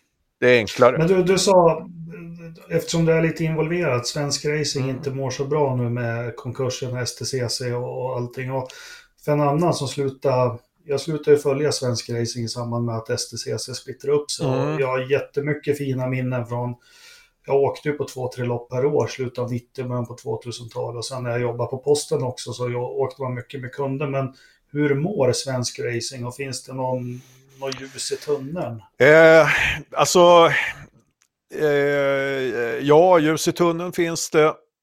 Eh, jag tror, alltså vi, vi, det, det är ett tufft läge. Alltså för att svensk racing eh, lider ju lite av samma problem som ett, man, man gör eh, inom racingen eh, globalt. Det är tufft alltså att eh, få exponering, att hitta publik och så vidare. Va? Eh, och eh, eh, det, där, det där gör ju att det, det, det, det krävs att man eh, kan orka jobba med detta professionellt eh, som promotor för att man ska liksom kunna eh, lyckas vrida och vända till det här. Eh, för just, just nu så, så ser det ju inte riktigt ut så. Nu, nu, nu, har, nu har Svensk Racing hamnat i den här situationen efter konkursen med, på, med, med, med liksom ett ganska kort varsel. Va? Så att årets säsong eh, kommer att se ut som den gör. Jag hoppas ju bara att eh, det är bland alla dessa aktörer nu som eh, ändå håller på, att man eh, någonstans lyckas formera sina styrkor och att vi ser till att vi kommer att ha en, en eh, en eh, professionell eh, promotor, ett promotorsbolag som drivs på affärsmässiga grunder. Eh, som kan eh, eh, driva detta vidare. För det kommer att behövas, tror jag. Eh. Men vad, vad, vad, vad, hände då? För jag kommer ihåg 2000-2001 där när man var, var nere på Mantorp. Det var 25-30 000 åskådare. Mm. Vart, vart och när gick det fel? Ja, eh, jag tror eh, STCC hade ju ett eh, litet tapp i samband med att man gick över till det nya reglementet då från eh, Supertouring-reglementet till eh, S2000. Eh, så vart det ett, eh, ett eh, generationsskifte där. Det är alltid så när det är eh, teknikskiften inom racing så är det, det är svårt liksom för alla deltagare att orka ta det där steget och, och växla om. Va? Man ska bli av med gamla bilar och, och, och plötsligt ska det investeras i nytt. Va?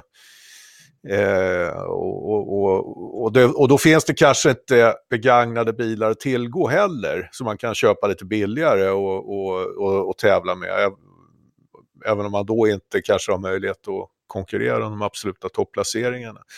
Eh, så det där skiftet skedde väl någonstans där 2002 va? och då, då tappade STCC lite grann. Och sen så eh, låg det väl på, på en hygglig nivå där. 2006-2007 så tog eh, Rickard Paulsson över STCC och ägde bolaget fram till eh, 2014. Eh, men eh, 2010-2011 så tycker jag att mästerskapet höll en otroligt hög kvalitet. Eh, det var ju då världens starkaste standardvagnsmästerskap. Det var ju liksom ingenting att snacka om. Eh, det var ju förare som kom från hela världen och körde och, och eh, bra team som var med. Eh, jävligt tuff racing var det. Och eh, bolaget drevs professionellt, kommersiellt. Man såg till att eh, plocka in eh, sponsorer och, och, hade bra tv-avtal och så vidare och de resurser som behövdes för att marknadsföra mästerskapet. Man, eh... Men var, var det 2011 som var första året, eller var det 2012 första året med splitten? 2012 var ju eh, första året med splitten. Då. Och, eh, men även då så eh, satsade ju, orkade ju STCC satsa. Jag, för de som känner till det så jobbade jag åt STCC under de åren. Och, och under 2012 så eh, hade vi ändå 12-13 bilar eller någonting sånt där i startfältet. Det kanske var 14 till och med, jag kommer fan inte riktigt ihåg. Men, eh, vi hade Chevrolet och eh, Volkswagen som slogs i toppen där. Det var ju Kristoffersson och eh, Rickard Rydell som, som eh, fightades där. Så att vi hade ju ett rätt bra mästerskap rent sportsligt. Eh, och eh, vi lanserade nya arenor som var ganska spektakulära. Solvalla och, och Östersund det. under det året. Eh, och, eh, men eh, det är klart, den eh, fighten med TTA, den eh, sög ju mycket musten ur eh, väldigt många av de aktörer som var med på den tiden. Mm. Det, det, det, det tog ju naturligtvis, eh, det tog på STCC, det tog på teamen framförallt i, i TTA då som, som eh, var ju med och satsade och hade investerat hårt i de där bilarna liksom. Så att man kan ju säga, jag kan bara sticka in där, man kan ju säga jag då som har, inte som eh, Jakob kanske varit nere, jag åkte på lite lopp när vi skrev för Forza då för länge sedan och så, såg lite men kan inte påstå att jag har varit någon flitig besökare på svenska racerbanor. Men det är klart, jag har också varit på Mantorp när det var 25 000 mm, där. Och mm. Det är ju rätt skoj naturligtvis, men att jag gillade ju Solvalla. Det var ju ingen jättekul bana att, köra, liksom, att se racing på. Men eventet, alltså evenemanget som sådan var ju ganska nytt. Eh, man hade ändå på något sätt, eh, alltså en lat, för en lat storstadspublik som har 20 mil till Mantorp. Så kan man helt plötsligt åka till, till, eh, till en, en racerbana som ligger inom rimligt avstånd. Att säga.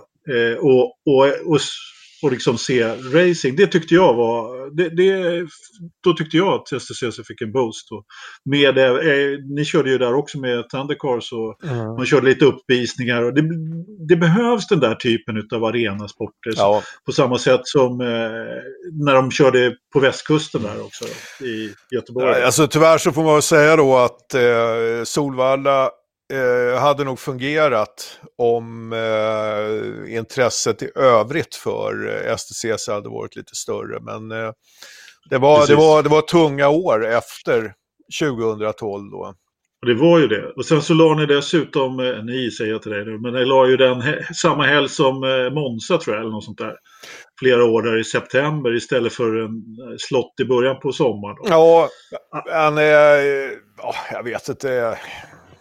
Jag tror eh, det, är, otroligt sällan man, man liksom har tittat på F1-kalendern när man har lagt tävlingar. Liksom det... nej, nej, nej jag, jag, tror att det var helgen efter mm. eller helgen före, men det spelar mindre roll. Mm. Men det är alltid trevligare att stå i junisolen på mm. Solvalla än att stå i stilregn i slutet på september. ja. det, var, det, var lite, det var lite så jag ja, tänkte. Det, det, nu var ju det en eh, fråga om logistik då, eftersom eh, när, man skulle, när, man, när man skulle bygga upp de här eh, eh, temporära banorna då, Östersund och Solvalla, så gick det åt en fruktansvärd massa betongbarriär. Och yep. eh, då var det så att vi växlade, va? så att vi, vi körde eh, eh, så att barriärerna fick ju stå kvar över vintern på Solvalla. Va? Körde vi Solvalla i okay. september, ja då, då var det eh, Solvalla i juni året därpå. Va? Därför att frakten av, av den betongen den, den var inte att leka med kan jag säga. Nej, jag kan tänka mig det. Nej, men jag tror ändå att det var det som gjorde att eh, det, för, det, inte funkade något bra. Eh, var, var, att man inte höll sig till en helg eller ett datum där. Och, och ja, det blev ingen kontinuitet riktigt. Nej, så, men det, så, det, så. det, det, är alltid en fördel att eh, mm, kunna, kunna ligga på samma datum. Men eh, jag tror inte att det var det som var... Eh, Nej, såklart inte ensam. Alltså det var intresset överlag sjönk.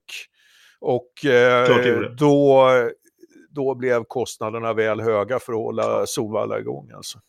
Tror jag det. Tror jag ja. det. Det, är, det är självklart inte gratis att anordna det där. Då behövs det ju feststämning och precis som du säger, finns inte intresset i övrigt, ja, nej. Nej, och, och, och sen så är det lite grann så här också, man ska ju tänka då på att det finns banor i Sverige som, eh, som, som ska driva en verksamhet. Och är man då nere på en kalender på sex tävlingar och två av dem då skulle upptas av, av eh, de här eh, eh temporära banorna, va? så eh, går det lite grann ut över de vanliga banorna. Alltså jag tror eh, en, en, en, ju... en kalender ska innehålla de traditionella banorna i Sverige. Eh, och eh, sen kan man eh, lägga till. Nej, men de ska, ju, de ska ju höja intresset för de övriga loppen då, så att det blir liksom tagga det mm. övriga. Det, det, ska ju vara ett komplement. Det ska inte vara, någon, det ska inte vara en Monza eller en eh, Eh, liksom, som, som ska vara där på kalendern. Utan det ska ju vara någonting som kanske nytt folk kan komma och titta på. Där, där kan slinka in lite ny, ny publik och hela det köret. Ja, ja. Liksom. men eh, backar man tillbaks va, till, till 2010-2011 då hade vi ju en kalender som var liksom en 10-11 tävlingar. Va? Då är det inget problem att klämma in några extra. För så många banor har vi ju inte liksom. Att, eh, det skulle behöva gå ut över någon. Men, eh... du, du, apropå nya banor förresten, eh, om vi var färdiga med det där, mm. måste bara fråga dig. Blir det några lopp här uppe i, utanför Skellefteå eller? Ja, men det kommer det bli. Jag har förstått på de som har varit där och tittat att eh, bygget är jävligt imponerande. Det kommer bli en bra bana. Eh, och det är en bra anläggning som man eh, har igång där. Vi, vi åtta Fankors kommer inte att åka upp där och tävla. Men, eh, Nej, okay. Men eh, Porsche och TCR kommer ju att åka dit då, som jag förstår det. Men Ternström, du som media PR-ansvarig. Hur kan ni inte åka till raggarbilarnas högnäste med Ja, men det kan jag tala om. Det är, det är bara att räkna på vad dieseln kostar. Just det. Eh, för att eh, köra upp trailer och eh, det är inte bara det. Eh, tung, tunga fordon, du får bara köra sex timmar utan sen måste du vila. Va? Och eh, det, det, här gör att det går åt så jädra många arbetsdagar för, eh, för teamen, då, deltagarna. Det, de, de, och, och det är inga som gör det här professionellt av, av våra deltagare. Och då blir det kostar lite för mycket då, tyvärr. Mm. Annars så hade vi gärna åkt dit. Hur mycket folk väntar ni i helgen då tror ni? Vad, vad vågar man tro på åskådarantalet? Jätte, jättesvårt att säga. I och med konkursen så har ju eh, Svensk Racing tappat en, en, en ganska stark Facebook-kanal. Eh, och jag vet inte hur det ser ut med marknadsföringen eh, i övrigt. Eh, hur mycket arrangören lokalt har or orkat med. Jag, jag, tror att de har gjort ett rätt hyggligt jobb där men Eh, sen hänger det på vädret också. Och sen så kan man ju säga så här då att eh, evenemanget fick ju en eh, liten eh, extra bonus här då i och med att Porsche plockar in eh, Jacques Villeneuve. Precis. Ja. Som, ska, som ska köra eh, i Porsche då. då.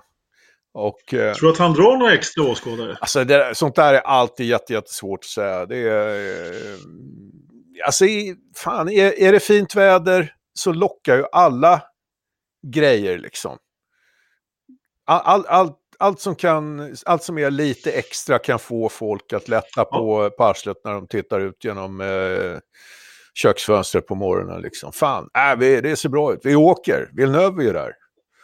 Och V8 Fandikors. Ja, men... eller hur? Ja, ja. Eller hur? Men du, vi, vi, kan väl göra så här då, två uppmaningar. En till dig Ternström. Springer du på den jäveln i helgen, då, får en, då blir det en långsittning, intervju till podden. Det är första uppdraget. Sen alla våra lyssnare, gå in och titta på V8 Fandegars mm. Facebook-sida och, och, gilla den och dela den. För den, det brukar vara lite häftiga filmer och sånt. Där. Du, Ternström, ja. jag har ett uppdrag. Om du springer på, på eh, dvärgen från Kanada där, mm. då, får du faktiskt sticka fram mikrofonen och så får du säga, så säga fråga om inte han kan säga You are listening to Forza-podden, this is Chuck Villeneuve. så vi får någon sån ordentlig inledning, för det ska alla fina poddar ha, jag har hört. Ja, det fixar du Ternström. Sen, sen får du faktiskt vara lite ta det varligt med honom, för det är precis där i helgen. Hans pappa dog 7 maj. Mm -hmm. Du kanske ska påminna honom om det då? Eller hur? Okay. Ja, ja, ja, precis. Jag hörde någon intervju med, vad heter han, Mario Walker där. Han, var ju, han är ju hur skön som helst. Han var ju intervjuad utav, i den här F1-podden där. Eh, så berättade han när han hade kommit in och skulle intervjua Damon Hill och sen försökte han ställa en fråga till Damon Hill och så han, han, han bara försvann från intervjun. Murray bara, vad, vad hände liksom? Han gick bort till Damon och frågade liksom. Hallå, vad gjorde jag? Jag liksom, eh, måste ha upprört dig på något sätt liksom. Och sen så hade han väl lugnat ner sig lite Damon och sa, äh förlåt Murray, liksom. det var inte du, det var... Jag hade precis fått eh, frågan om jag kunde byta ut någon seger mot eh, om jag fick farsan tillbaka. Det var en stjärna till journalist frågat honom nyligen. Fast det är en relevant fråga faktiskt. Tycker du? Nej, det gör jag inte. Ja, ja. Men du, svensk racing är på gång. Det, det blir kul. Du får fortsätta rapportera därifrån Joakim, ja, vad, vad, som händer och så. Det ska vi göra. Och, och ja. Jag tänkte vi har en punkt här nu. Du, äh, vet Jakob, får jag sticka in en sak igen? Jag avbryter ja. dig hela tiden. Här. Jag ska bara säga att den här arenan där uppe i Skellefteå som vi snackade om, vi kan ju tala om bara vad det är. Alltså det är en ny bana utanför Skellefteå som ligger Fällforsheden. Alltså jag har ingen aning om vad det här är. Men det, det, de har i alla fall byggt en ny bana där som ska släppa upp. Eh, och det är som Ternström sa, man har inte råd att köpa diesel för att köra dit. Så långt bort är det. Men det är säkert... Av någon anledning så har många människor från Skellefteå passerat mitt liv. Aha. Eller livets revy på något vis. Och jag fan, den enda jag träffar från Skellefteå som är vettig, det är Ingela Karlsson. Alltså resten, de är ju, ja. Eh. Så ni får motbevisa mig om vi har någon lyssnare från Skellefteå. Är, är, är, är det någon man ska veta vem det är? Ingela? Ja. Ja, ja Ingela, Ingela. En kollega till mig, hon, hon, hon, hon var ju... Men, men jag kan väl avsluta och spela in en egen slinga med alla Skellefteåbor jag haft ja, ja, du får göra det. Du får, göra det. får jag säga en sak till? Får jag säga till en sak till om svensk racing innan du, du börjar avsluta? Jag, jag, ja. Fan vad trött du ser ut på mig nu, Jakob. Förlåt, eh, jag har mycket att säga idag. Nej, det var så här. När vi pratar svensk race, din fantastiska Engmarks kvarting där som du körde förra veckan. Eh, så, ja. så pratade vi lite grann, det är ju svensk racing på en annan nivå naturligtvis, men att svensk racing dog där 78. Jag fick lite mothugg på det faktiskt efteråt och jag kan hålla med om det. Eh, just det där och vi var, så, vi var så väldigt överens om att svensk motorsport dog i, eh, efter Gunnar och, och Ronny då, eh, hela köret. Och, äh, det, kan, det, var ju faktiskt så att det, det, var racingen kanske som dog och banracingen. Och det blev ju en ganska stark rallykultur och det kanske var andra motorsporter som tog över lite grann i Sverige. Det var mest det bara. Så att, eh, det, det, är många som eh, har fått lite skäll. Fast jag, jag håller inte med. Bara för det var någon jävla hyrkartsrace i Sälen 1980. Så svensk racing dog alltså. Våra två förare Formel 1. Ja, racing kanske, men... Ja, race, ja det, var det, det är det jag säger också. Att Sverige, mm. nej, jag kanske sa motorsport. Men ja, jo, men det var ju det som var det var ju bokat och klart 79 Anderstorp att vi skulle köra. Så. Ja, Nej, men, men det var mer, vi... mer att det fanns en eh, stark rallykultur och en motorsport i Sverige på det sättet. Och det, det, kan, jag, det kan jag köpa. 79, men det... Vem fan bryr sig i rally? Ja, ja. Ja du, vi får ja, första världsmästare 79, Valdegård då. Ja, vem, vem, vem bryr sig om rally? Jo, det kan jag säga, det är jävligt många. Eh, för att eh, om, du, eh, om du går ut och kollar på eh, hur många, eh, hur många följare de har till exempel på olika rallygrupper på Facebook och så vidare. Det är, det är ett stort rallyintresse i Sverige. Jag, jag håller med. Jag kommer ihåg när jag var grabb, alltså mitten på 80-talet. Jag bor ju i Västerås som ni vet och bodde i en stadsdel som heter Gryta. Alltså det var två gånger per år. På, alltså på Gryta, det är en liten, liten stadsdel i Västerås. Vi, vi bodde ganska nära soptippen, så det fanns en soptippsvägen kallas det. Det liksom gick ju sådana här klubbtävlingar i rally två gånger per år. Och det var inga dåliga förare som var där. Jag vet, ett år så var Gunde Svan och fanns det inte någon som hette Björn Grunden. Och, och, alltså det var, det var riktigt bra. Det var inte grupp B-VM direkt, men det var liksom Sverige-eliten kom och körde där. Och när man pratar med äldre generationer också, det var ju alltid rallytävlingar ute i bygderna. Det Fan, Ka Kalle Grundel, han, var ju, han är ju från Huddinge, är han inte det? Det, det stämmer nog. Ja. Ja, precis. Mm. Vi har ju en annan gammal Huddingebo som är gammal kartläsare i rally som är, som är på forumet och som förhoppningsvis lyssnar ibland också. Olle, han brukar dra lite gamla stories om när han eh, körde på pansarplatte där nere med vad det nu var för något. Och mycket historier om att mecka ihop bilar och både det ena och det andra. Ja, han bor, han bor, bor, bor, bor, bor inte så långt bort från mig. Här. Ehm, och, ja, fan, men han lägger ut så jävla konstiga videos med, med. Massa med rådjur som håller på att stångas på, på tomten. På tomten, ja precis. Ja. Ingvar Karlsson, kommer ni ihåg honom? Ja, Mazda 323. Ja, Mikael Eriksson. Ja. Mörsen. Ja. Lancia. Ja, det var en riktigt gles mustasch han hade. Vad sa du? Riktigt gles mustasch han hade. Ja, han vann inte han ett VM? Han, han var, jo, det gjorde han. Det gjorde han. Två stycken. Två. Han var först i en Toyota, sen loppet efter en Mitsubishi Galant.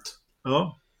Ja, du ser. Du ser. Ja, så, så var det. Ja. Så kan det vara. Vi, vi kanske måste göra, göra ett, lägga in en brasklapp här och säga att det, det är inga, vi är inga större kunskaper här, men lite kanske vi har sett i alla fall. Och Ternström, du har ju till och med varit på Svenska rallyt i år. Det är, det är en rätt bra merit att vara där och ligga på hotell och vara sjuk i...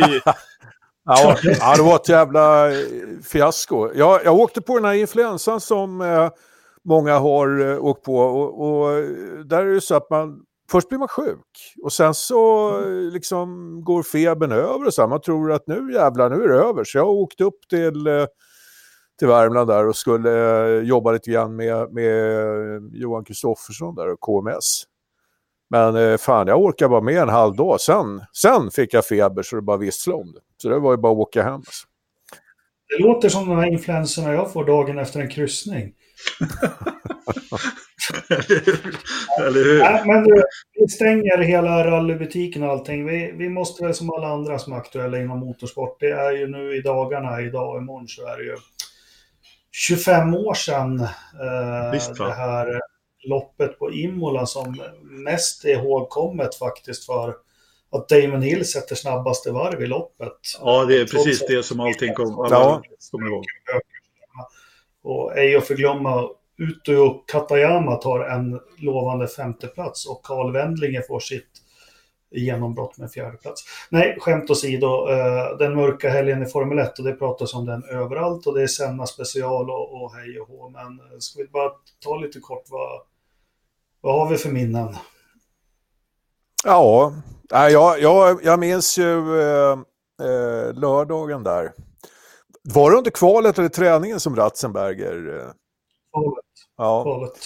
Eh, nej, jag, jag, jag, minns ju när, när, eh, när han kom in i bild. Då har han ju redan smält in va, i, i, i räcket och, och glider ju längs med det. Och, och ja, fan, jag såg redan där, det där gick åt helvete liksom. Det där när man ser hur, hur huvudet bara hänger och, och dinglar liksom utan... Eh, ja, fy. Nej, fan. Ja, nej, det, det var ju jävligt otäckt va. Sen hade vi Barrichello ja, Barrichellos avåkning. Sen var det ju också så att starten i racet. Så, ja, så, Pedro Ja, lätt då. Ett, och ett hjul får ju upp i publiken där. Och så har vi en mekaniker i Ferrari som blev... Ja, det, alltså det, det, bara, det bara kändes som att det här, det, det, det, det, tar liksom inte slut. Den här tävlingen borde inte köras. Va? Den, den känslan satt man med. Och sen var det ännu värre. Mm. När, när Senna åkte av alltså. Fan, det var... Ja, men det gick ju snett från början ja. och det fortsatte att gå snett hela helgen. Det var något som var bara... Alltså det, mitt minne från den där helgen, det som jag har på näthinnan, det är Baricello. När han, ja.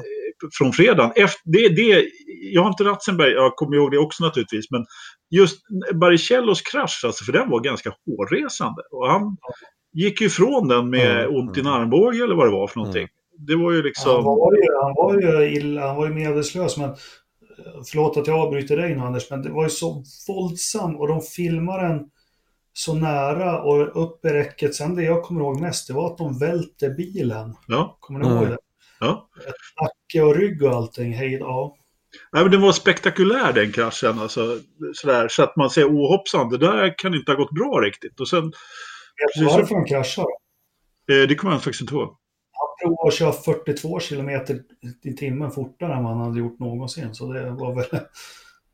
Okej. Okay. Ja, ja. ja. Jag ska inte säga vad jag tycker om Baricello i det här sammanhanget, men eh, ja.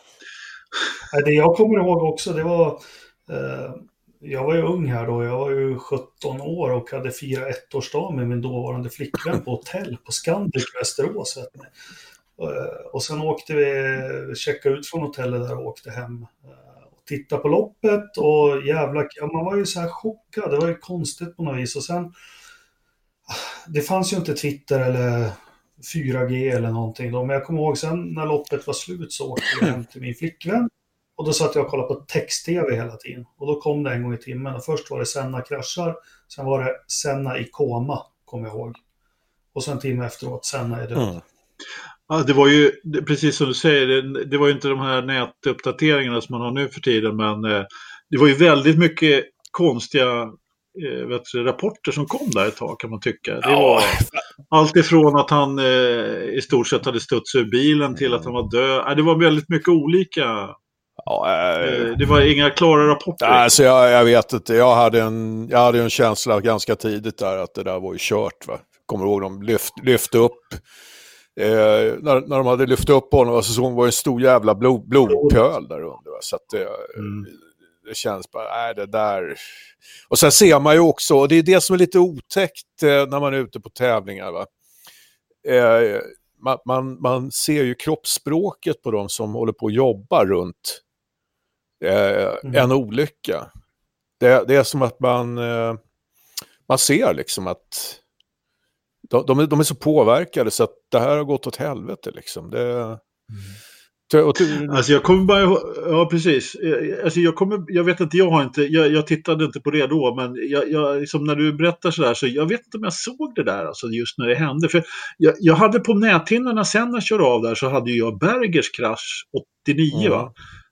Eh, som jag tyckte egentligen såg värre ut. Och, och nu var det ju då Staget eller julpengen som som kraschade in, eller som eh, gjorde hål i huvudet på Senna. Mm. Så det var ju därför han dog. Så kraschen var ju inte speciellt svår. Så det var ju liksom maximal otur också. också och, och Patrese gick väl av 92 tror jag. Men, ja. uh, jag kommer ihåg det som du, jag kommer ihåg precis där innan hur John Watson kommenterade precis på start och mål innan att här kommer Senna ut på rakan det här han känner att han har övertagit med en starkare Renault-motor och han kommer... Och sen bara, oh, Senna is off. Och det, det, är en sån oförklarlig krasch också om vi ska prata mm. om det. det är liksom, man vet fortfarande inte... Man vet, man vet inte vad som hände. Den, ja, det finns ju rätt många teorier där, men, men precis som du säger, det har väl egentligen inte egentligen klargjorts exakt vad det var som hände. Det är många som... Det, faktiskt, och han, han tror på punka. Ja. Uh, det, det, är ju... Det, det, det, det, det, kan man ju tro, höll jag på att säga. Det, det, det finns ju flera olika varianter där. Någon som säger att den bottnar och det kan ju vara en... Naturligtvis vara... Man tyckte Schumacher var jävligt arrogant, för han, han var ju lite nykändis då så här. Man tyckte han var jävligt jobbig, det måste ni hålla med om. Han kom upp där och, och vann lopp. Men han sa ju direkt, han bara, he lost it. Ja, ja. Det, han låg ju bakom. Ja, men det var jätteprovocerande att han, varför säger han så liksom? Vill han, han sa jag vet inte. Var, ja, men det kan ju ha varit en, en, eh, en konsekvens av punkan där att han eh, att, att han bottnar ur och så vidare, det kan vi ju spekulera, spekulera i, spekulera i hur länge som helst. Men jag skulle komma till lite grann var att det, det har ju tragglats en annan rättegång efter det där också då, då med både det ena och andra. Och jag vet inte, man har inte kommit fram till någonting där heller vad jag vet. Nej, men det var det fanns ju, det fanns ju misstankar där om att, eh, eh, ja, eh, det var ju Williams där som, eh, som var misstänkt för att eh, ja, fixat med bilen och, och försvagat eh, själva styrstången där på någon jävla vänster. Men, men, men har, har de inte knepiga lagar i Italien? Dels är det här, det var ju både Jochen Rindt 1970 och sen säger de ju det om Senna också att de är jävligt noga med arrangörerna i samarbete med sjukhus och inte dödförklara på banan. För att om du dör på banan så måste racet ställas in va? och det, det betraktas som en civil olycka på något vis. Jo, men eh, de, de har, alltså, de har en sån regel, om, om, om det inte är ett naturligt dödsfall, då, då blir det ju nästan eh, per automatik en rättegång någonstans. Liksom, för att det, det, det ska utredas om någon är skyldig till, mm. till ett dödsfall. Ja, så att de, de, de har lite annan syn på det där. Jävla helvete. Ska vi ta den här klassiska då lite fort då? Börja med Anders, ditt bästa Senna-minne. Eller ditt ja, starkaste. Ja, det är nästan faktiskt från... Det är inget Senna-minne utan det är när jag kom till eh, Imola första gången. 98 kanske. Eh, och då hade man ju rest en staty av Senna där faktiskt. Och eh, det var ganska mycket blommor och hans keps där på bronsstatyn när han sitter i eh, kurvan, ytter, eller eh, på andra sidan där. När han kraschade. Det, det, det är på något sätt mitt eh, Senna-minne på det sättet. Annars så finns det ju naturligtvis mycket annat på racerbanan också med, med Japan 89 och 90 som, som på det vet. Men, men jag måste ändå säga det att eh, kom, det är lite vallfärdning där till Imola faktiskt. 98 tror jag det var. Ternström då? Ja, eh, eh, alltså grejen med, med Senna är ju att eh, det finns egentligen så jädra många grejer som borde, eller som skulle kunna platsa, som i varje annan förares karriär hade, hade liksom varit ett sånt där minne som man hade kunnat lyfta fram. Det är bara det att med Senna så är det så jädra många grejer tycker jag som, eh, som man kan minnas honom för. Alltså, men eh, jag vet inte. Jag, jag, jag tyckte att han var jävligt fascinerande att se när det var, när det var kval på den tiden när eh, man hade de där tolv, tolv varven. Ja. Det, det, det, var, det var något speciellt när han laddade på liksom. Då jädrar anamma. Ja, jag, jag måste få säga, eller starkaste minne, alltså Senna var ju, han var ju fan global innan globalitet fanns. Förstår ni vad jag menar? Ja. Alltså, jag stannade hem från skolan och såg hans begravning som gick direkt sänd på Eurosport. Jo. Höll på i flera timmar den här kortegen genom Sao Paulo. Ja. Och det var ju då man förstod hur jäkla stor han var och allt som kom efter. Eurosport började sälja, sända sådana dokumentärer som vi aldrig hade sett i ja. Sverige. Nej. Racing is in my blood och allting man kunde spela in. Men, och sen nu när jag blivit äldre och man tittar på det här materialet som finns. Alltså det var ju något speciellt med den kameran. Absolut. Ingen Absolut. Alltså han, han, han, hade ju, eh, alltså han var ju större än sin sport på samma sätt som Muhammad Ali var det va, i boxningen. Va? Och det är jävligt få eh, sådana eh, idrottsmän som man kan räkna upp. Alltså, den här lågmälda, lågmälda liksom, hej jag går in i ett rum och säger ingenting men jag äger rummet och ja. allting stannar. Det, det ser man på gamla klipp nu. Han har ju Ja. Det är ju någon sån här aura runt sig han har och de säger ju också, skulle han leva skulle han varit president i Brasilien. Mm. Ja, ja, ja. Alltså, grejen är, det finns ju ett par saker där som man säger i dokumentärer om honom också. Alltså, jag, jag måste bara säga det att när vi pratar om Senna så jag var ju mest förbannad på Senna under den där tiden, för jag var ju stor Prost-fan faktiskt. Så det, det, var ju mer så här i efterhand egentligen, som jag, jag har ju reviderat hans karriär lite grann så här, i efterhand. Jag är inte som nostalgiker och brukar titta tillbaka, men just på Senna har jag faktiskt tittat tillbaka en del och, och lite vad han har gjort och, och så vidare. Men det, när han kom in i sporten så var han ju väldigt Europadominerad också. Han tog ju lite mer plats och han, han sa ju verkligen ifrån. Och, eh, Hela det kittet då, eh, det, ja, det, det är så talande det här klippet från det förarmötet på, med Jean-Marie Ballester som var eh, FIA-ordförande då och ta Prosts... Let me eh, finish! Let me finish! Precis, exakt.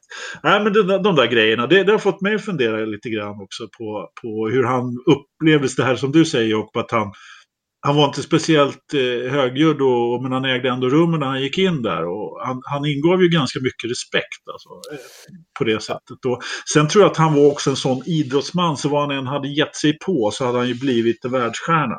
Han var ju någon som bara tränade och tränade, vad han än höll på med i stort sett. Och sen ska man inte, kanske inte glömma bort också att när han blev så extremt stor i Brasilien gjorde ju lite grann på att man suktade ju efter att ha någon stjärna där. Det funkade ju inte så bra i Brasilien. Nej, de hade ju, de hade ju Piqué och Fittipaldi som överlappade varandra, så den köper jag inte riktigt. Nej, men jag menar lite mer så här någon, någon eh, så här nationalhjälte som kom ner där och, och liksom lite, äh, kanske inte, men jag, jag fick i alla fall det intrycket han, att han på något sätt blev eh, så pass stor för att det suktades efter någon i Brasilien. Jag vet inte riktigt. Eh, just den här begravningen där, folk var ju liksom som du nämnde, det som tittar på. Liksom. Man ser bilder från den nu. Det var ju, som en stadsbegravning, det var ju miljoner människor ute på gatorna. Liksom. Han, han Tre dagars så... landssorg utlystes. Ja, men precis. Och, jag menar, Piqué, var, jag vet att du är stor Piqué-fan, alltså, men han var ju fan inte i närheten av att ha Senna på, på, på det planet. Alltså, nej, nej. Skulle jag säga. Jag intervjuade faktiskt Piqué Eh, Eh, det var ju någon sån här, jag lyckas få den lite översatt, en stor sändning i Brasilien bara några veckor efteråt med en sån här panel.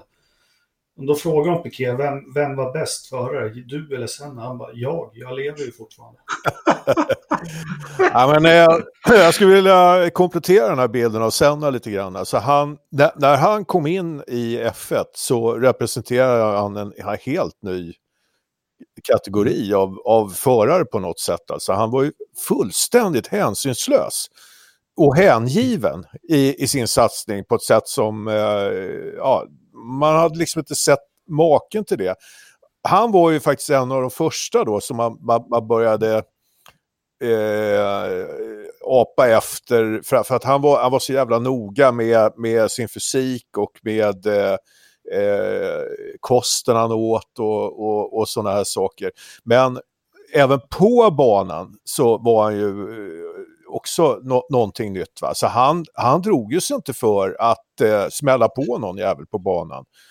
Bar, bara för att de skulle veta liksom att nä, nä, nä, nästa, nästa gång nästa gång kommer det att smälla om jag inte flyttar mig. Liksom, va? Och det där, det Den första som fick erfara det, och det är jätteintressant om någon vill läsa det, läs lite eh, och kolla på YouTube också, Martin Brundle när han, när han får berätta om den legendariska Formel 3-säsongen 83 när de slogs om mästerskapet i Storbritannien, då det mästerskapet var något att ha. Och han fick erfara det, det liksom var komma jämsides med honom, det var backa av eller åka av, det liksom fanns ingenting ja. annat.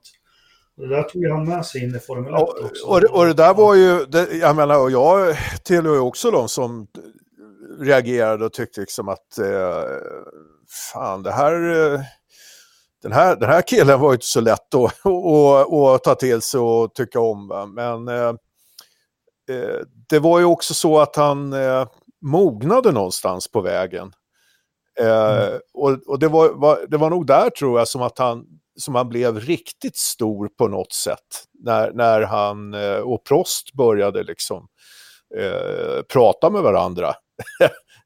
och det, var, det, här var ju runt, eh, vad kan det varit, 90... 93. Ja, 93 där. Mm.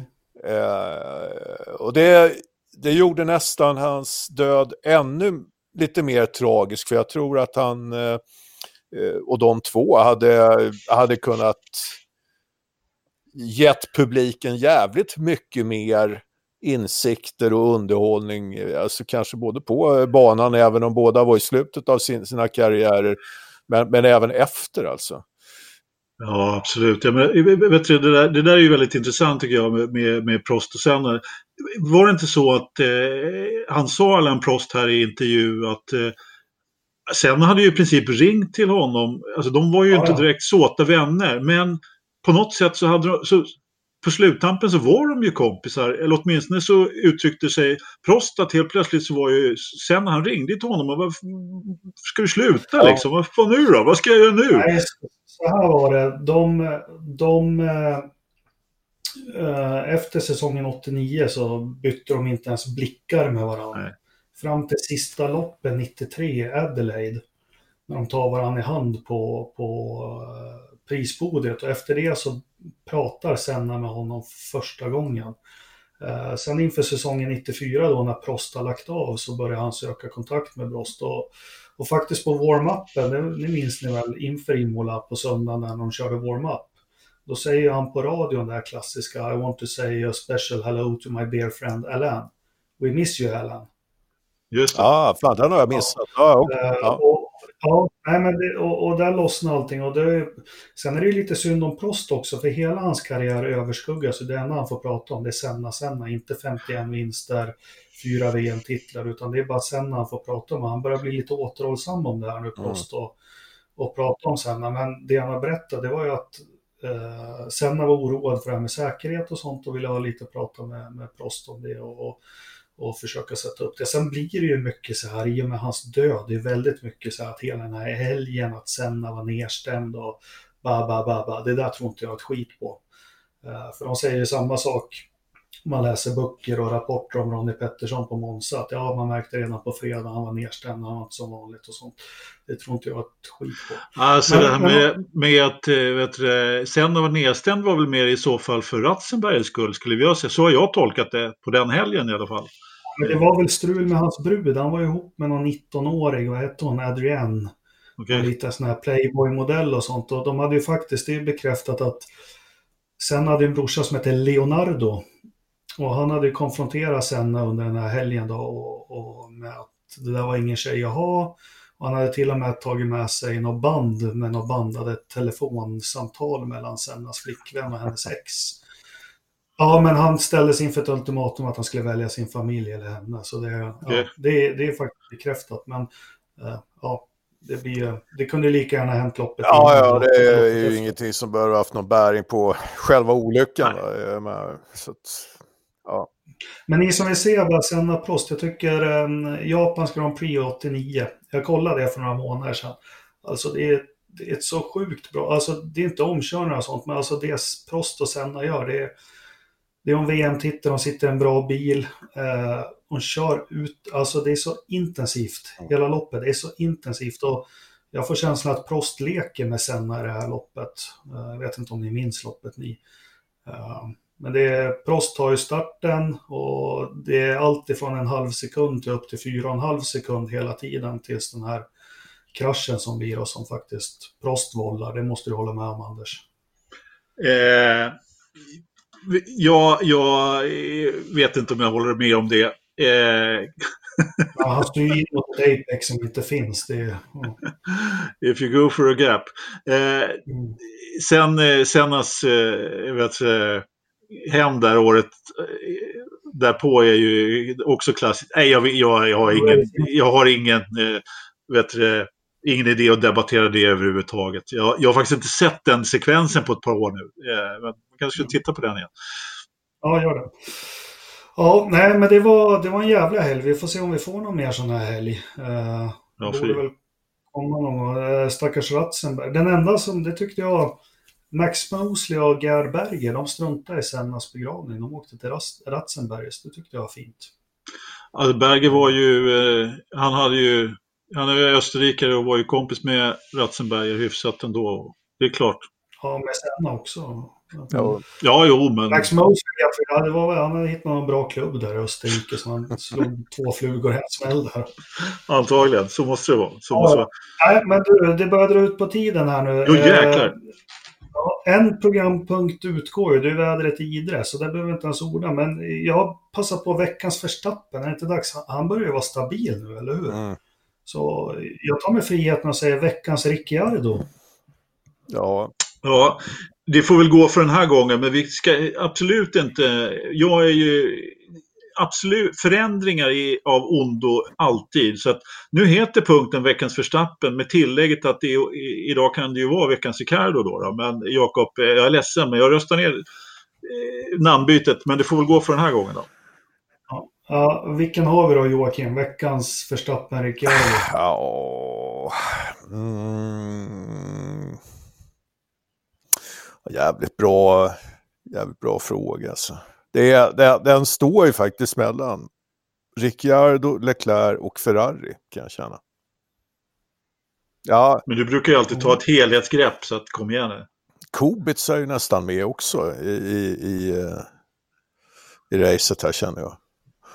Eh, nej, men eh, nej, jag tar, jag tar Ricciardo. Att, att följa upp ett sånt fullständigt misslyckat omkörningsförsök med att backa på sin kollega, eller på sin konkurrent, va? Det, är, det är rätt svårslaget faktiskt.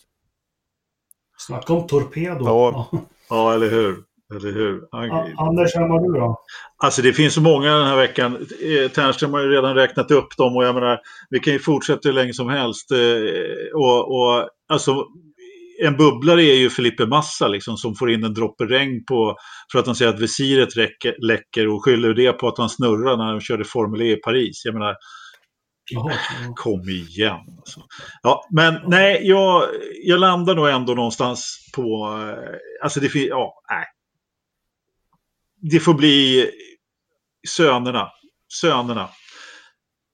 Schumacher och Alesi. Kära någon alltså. Schumacher kör på kurben så det ser ut som en rookie och snurrar i första loppet. Alesi han försöker sig på någon jävla omkörningsmanöver och kraschar rätt in i väggen. Vad är det för något alltså? Ja. Jakob? Ja, jag tar nog, det måste vara han studierektorn på verkstadsskolan, linje svetsning i Azerbajdzjan. ja, du tänkte på brödslocks-svetsa. Ja. Eh, sen, va, va, ja, nej, Fia blir fan veckans Verstappen. För de släppte ju en presskommuniké att de, de hade hittat orsaken till att det lossnade. Det var, det satt inte fast. ja, men grejen var väl att de, locken var väl inte svetsade? Va? De, de, var, de var väl skruvade? Okej. Okay. Ja, men vi är väl ganska säkra. Och, och, eh, jag tyckte man såg det också när de gick där och, och, och skruvade på en del andra lock där. Eh, så att, uh... Jag kan säga så här, jag som nästan är i branschen, jag skulle säga så här att eh, jag skulle inte lita på ett skruvat Jag vet att de, att de alltid tidigare, att de svetsar fast dem i Monaco och har gjort absolut. det i alla tider. Och, eh, de brukar köra med det, men eh, det är möjligt att de har hittat på något nytt. I, så jag, jag får, det är helt rätt Jakob. Azerbajdzjan, det måste ju, de, fan de fick väl avlopp för tio år sedan. De är väl inte så jävla... Antagligen. Uh, nej, ja, nej, men det, det kunde gått riktigt illa det där. Så de, uh, men det är väl 8-10 pers på väg till Gulag nu med något tåg. Antagligen, antagligen. Ja, bra det. Vi har hunnit prata mycket. Det blir inget väder som sagt, men det är väl nästan skönt. Uh, ska vi säga tack alltså, och adjö? Ja, det får vi väl göra. Vi kan ju tala om varför det inte blir något Ja, jag undrar ju också. Varför blir det inget väder? Pastis eh, Pastis skriver så här, fel på värdestationen. Han får inte kontakt, är nere i Halland, Skåne och har gjort allt jag kan härifrån, men inte lyckats få liv i den. Tyvärr så kommer inget hända förrän jag är hemma i Ollarsliden igen den 26 maj. Så det blir inget väder och ni som eh, vill göra ett schysst inchack här under maj månad kan åka hem till Pastis för det är huset stort. Eller hur? Han har i och för sig webbkamera så vi kan ju se på när, när de gör. Det är kanske det som har hänt också. Det är någon som har snott väderstationen. Eh, får vi skramla till en ny. Arg. Ja. Ja, herregud. Ja. Nej, bra det. Eh, en tack så mycket. Ja, ja tack, tack själv. Så hörs vi. Ha det gott. Tack för att du lyssnade. Hej, hej. Hej då.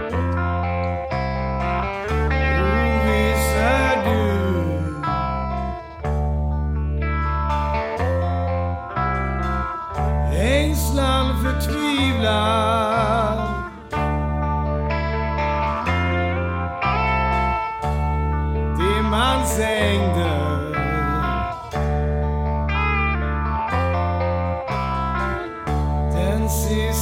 Ávila.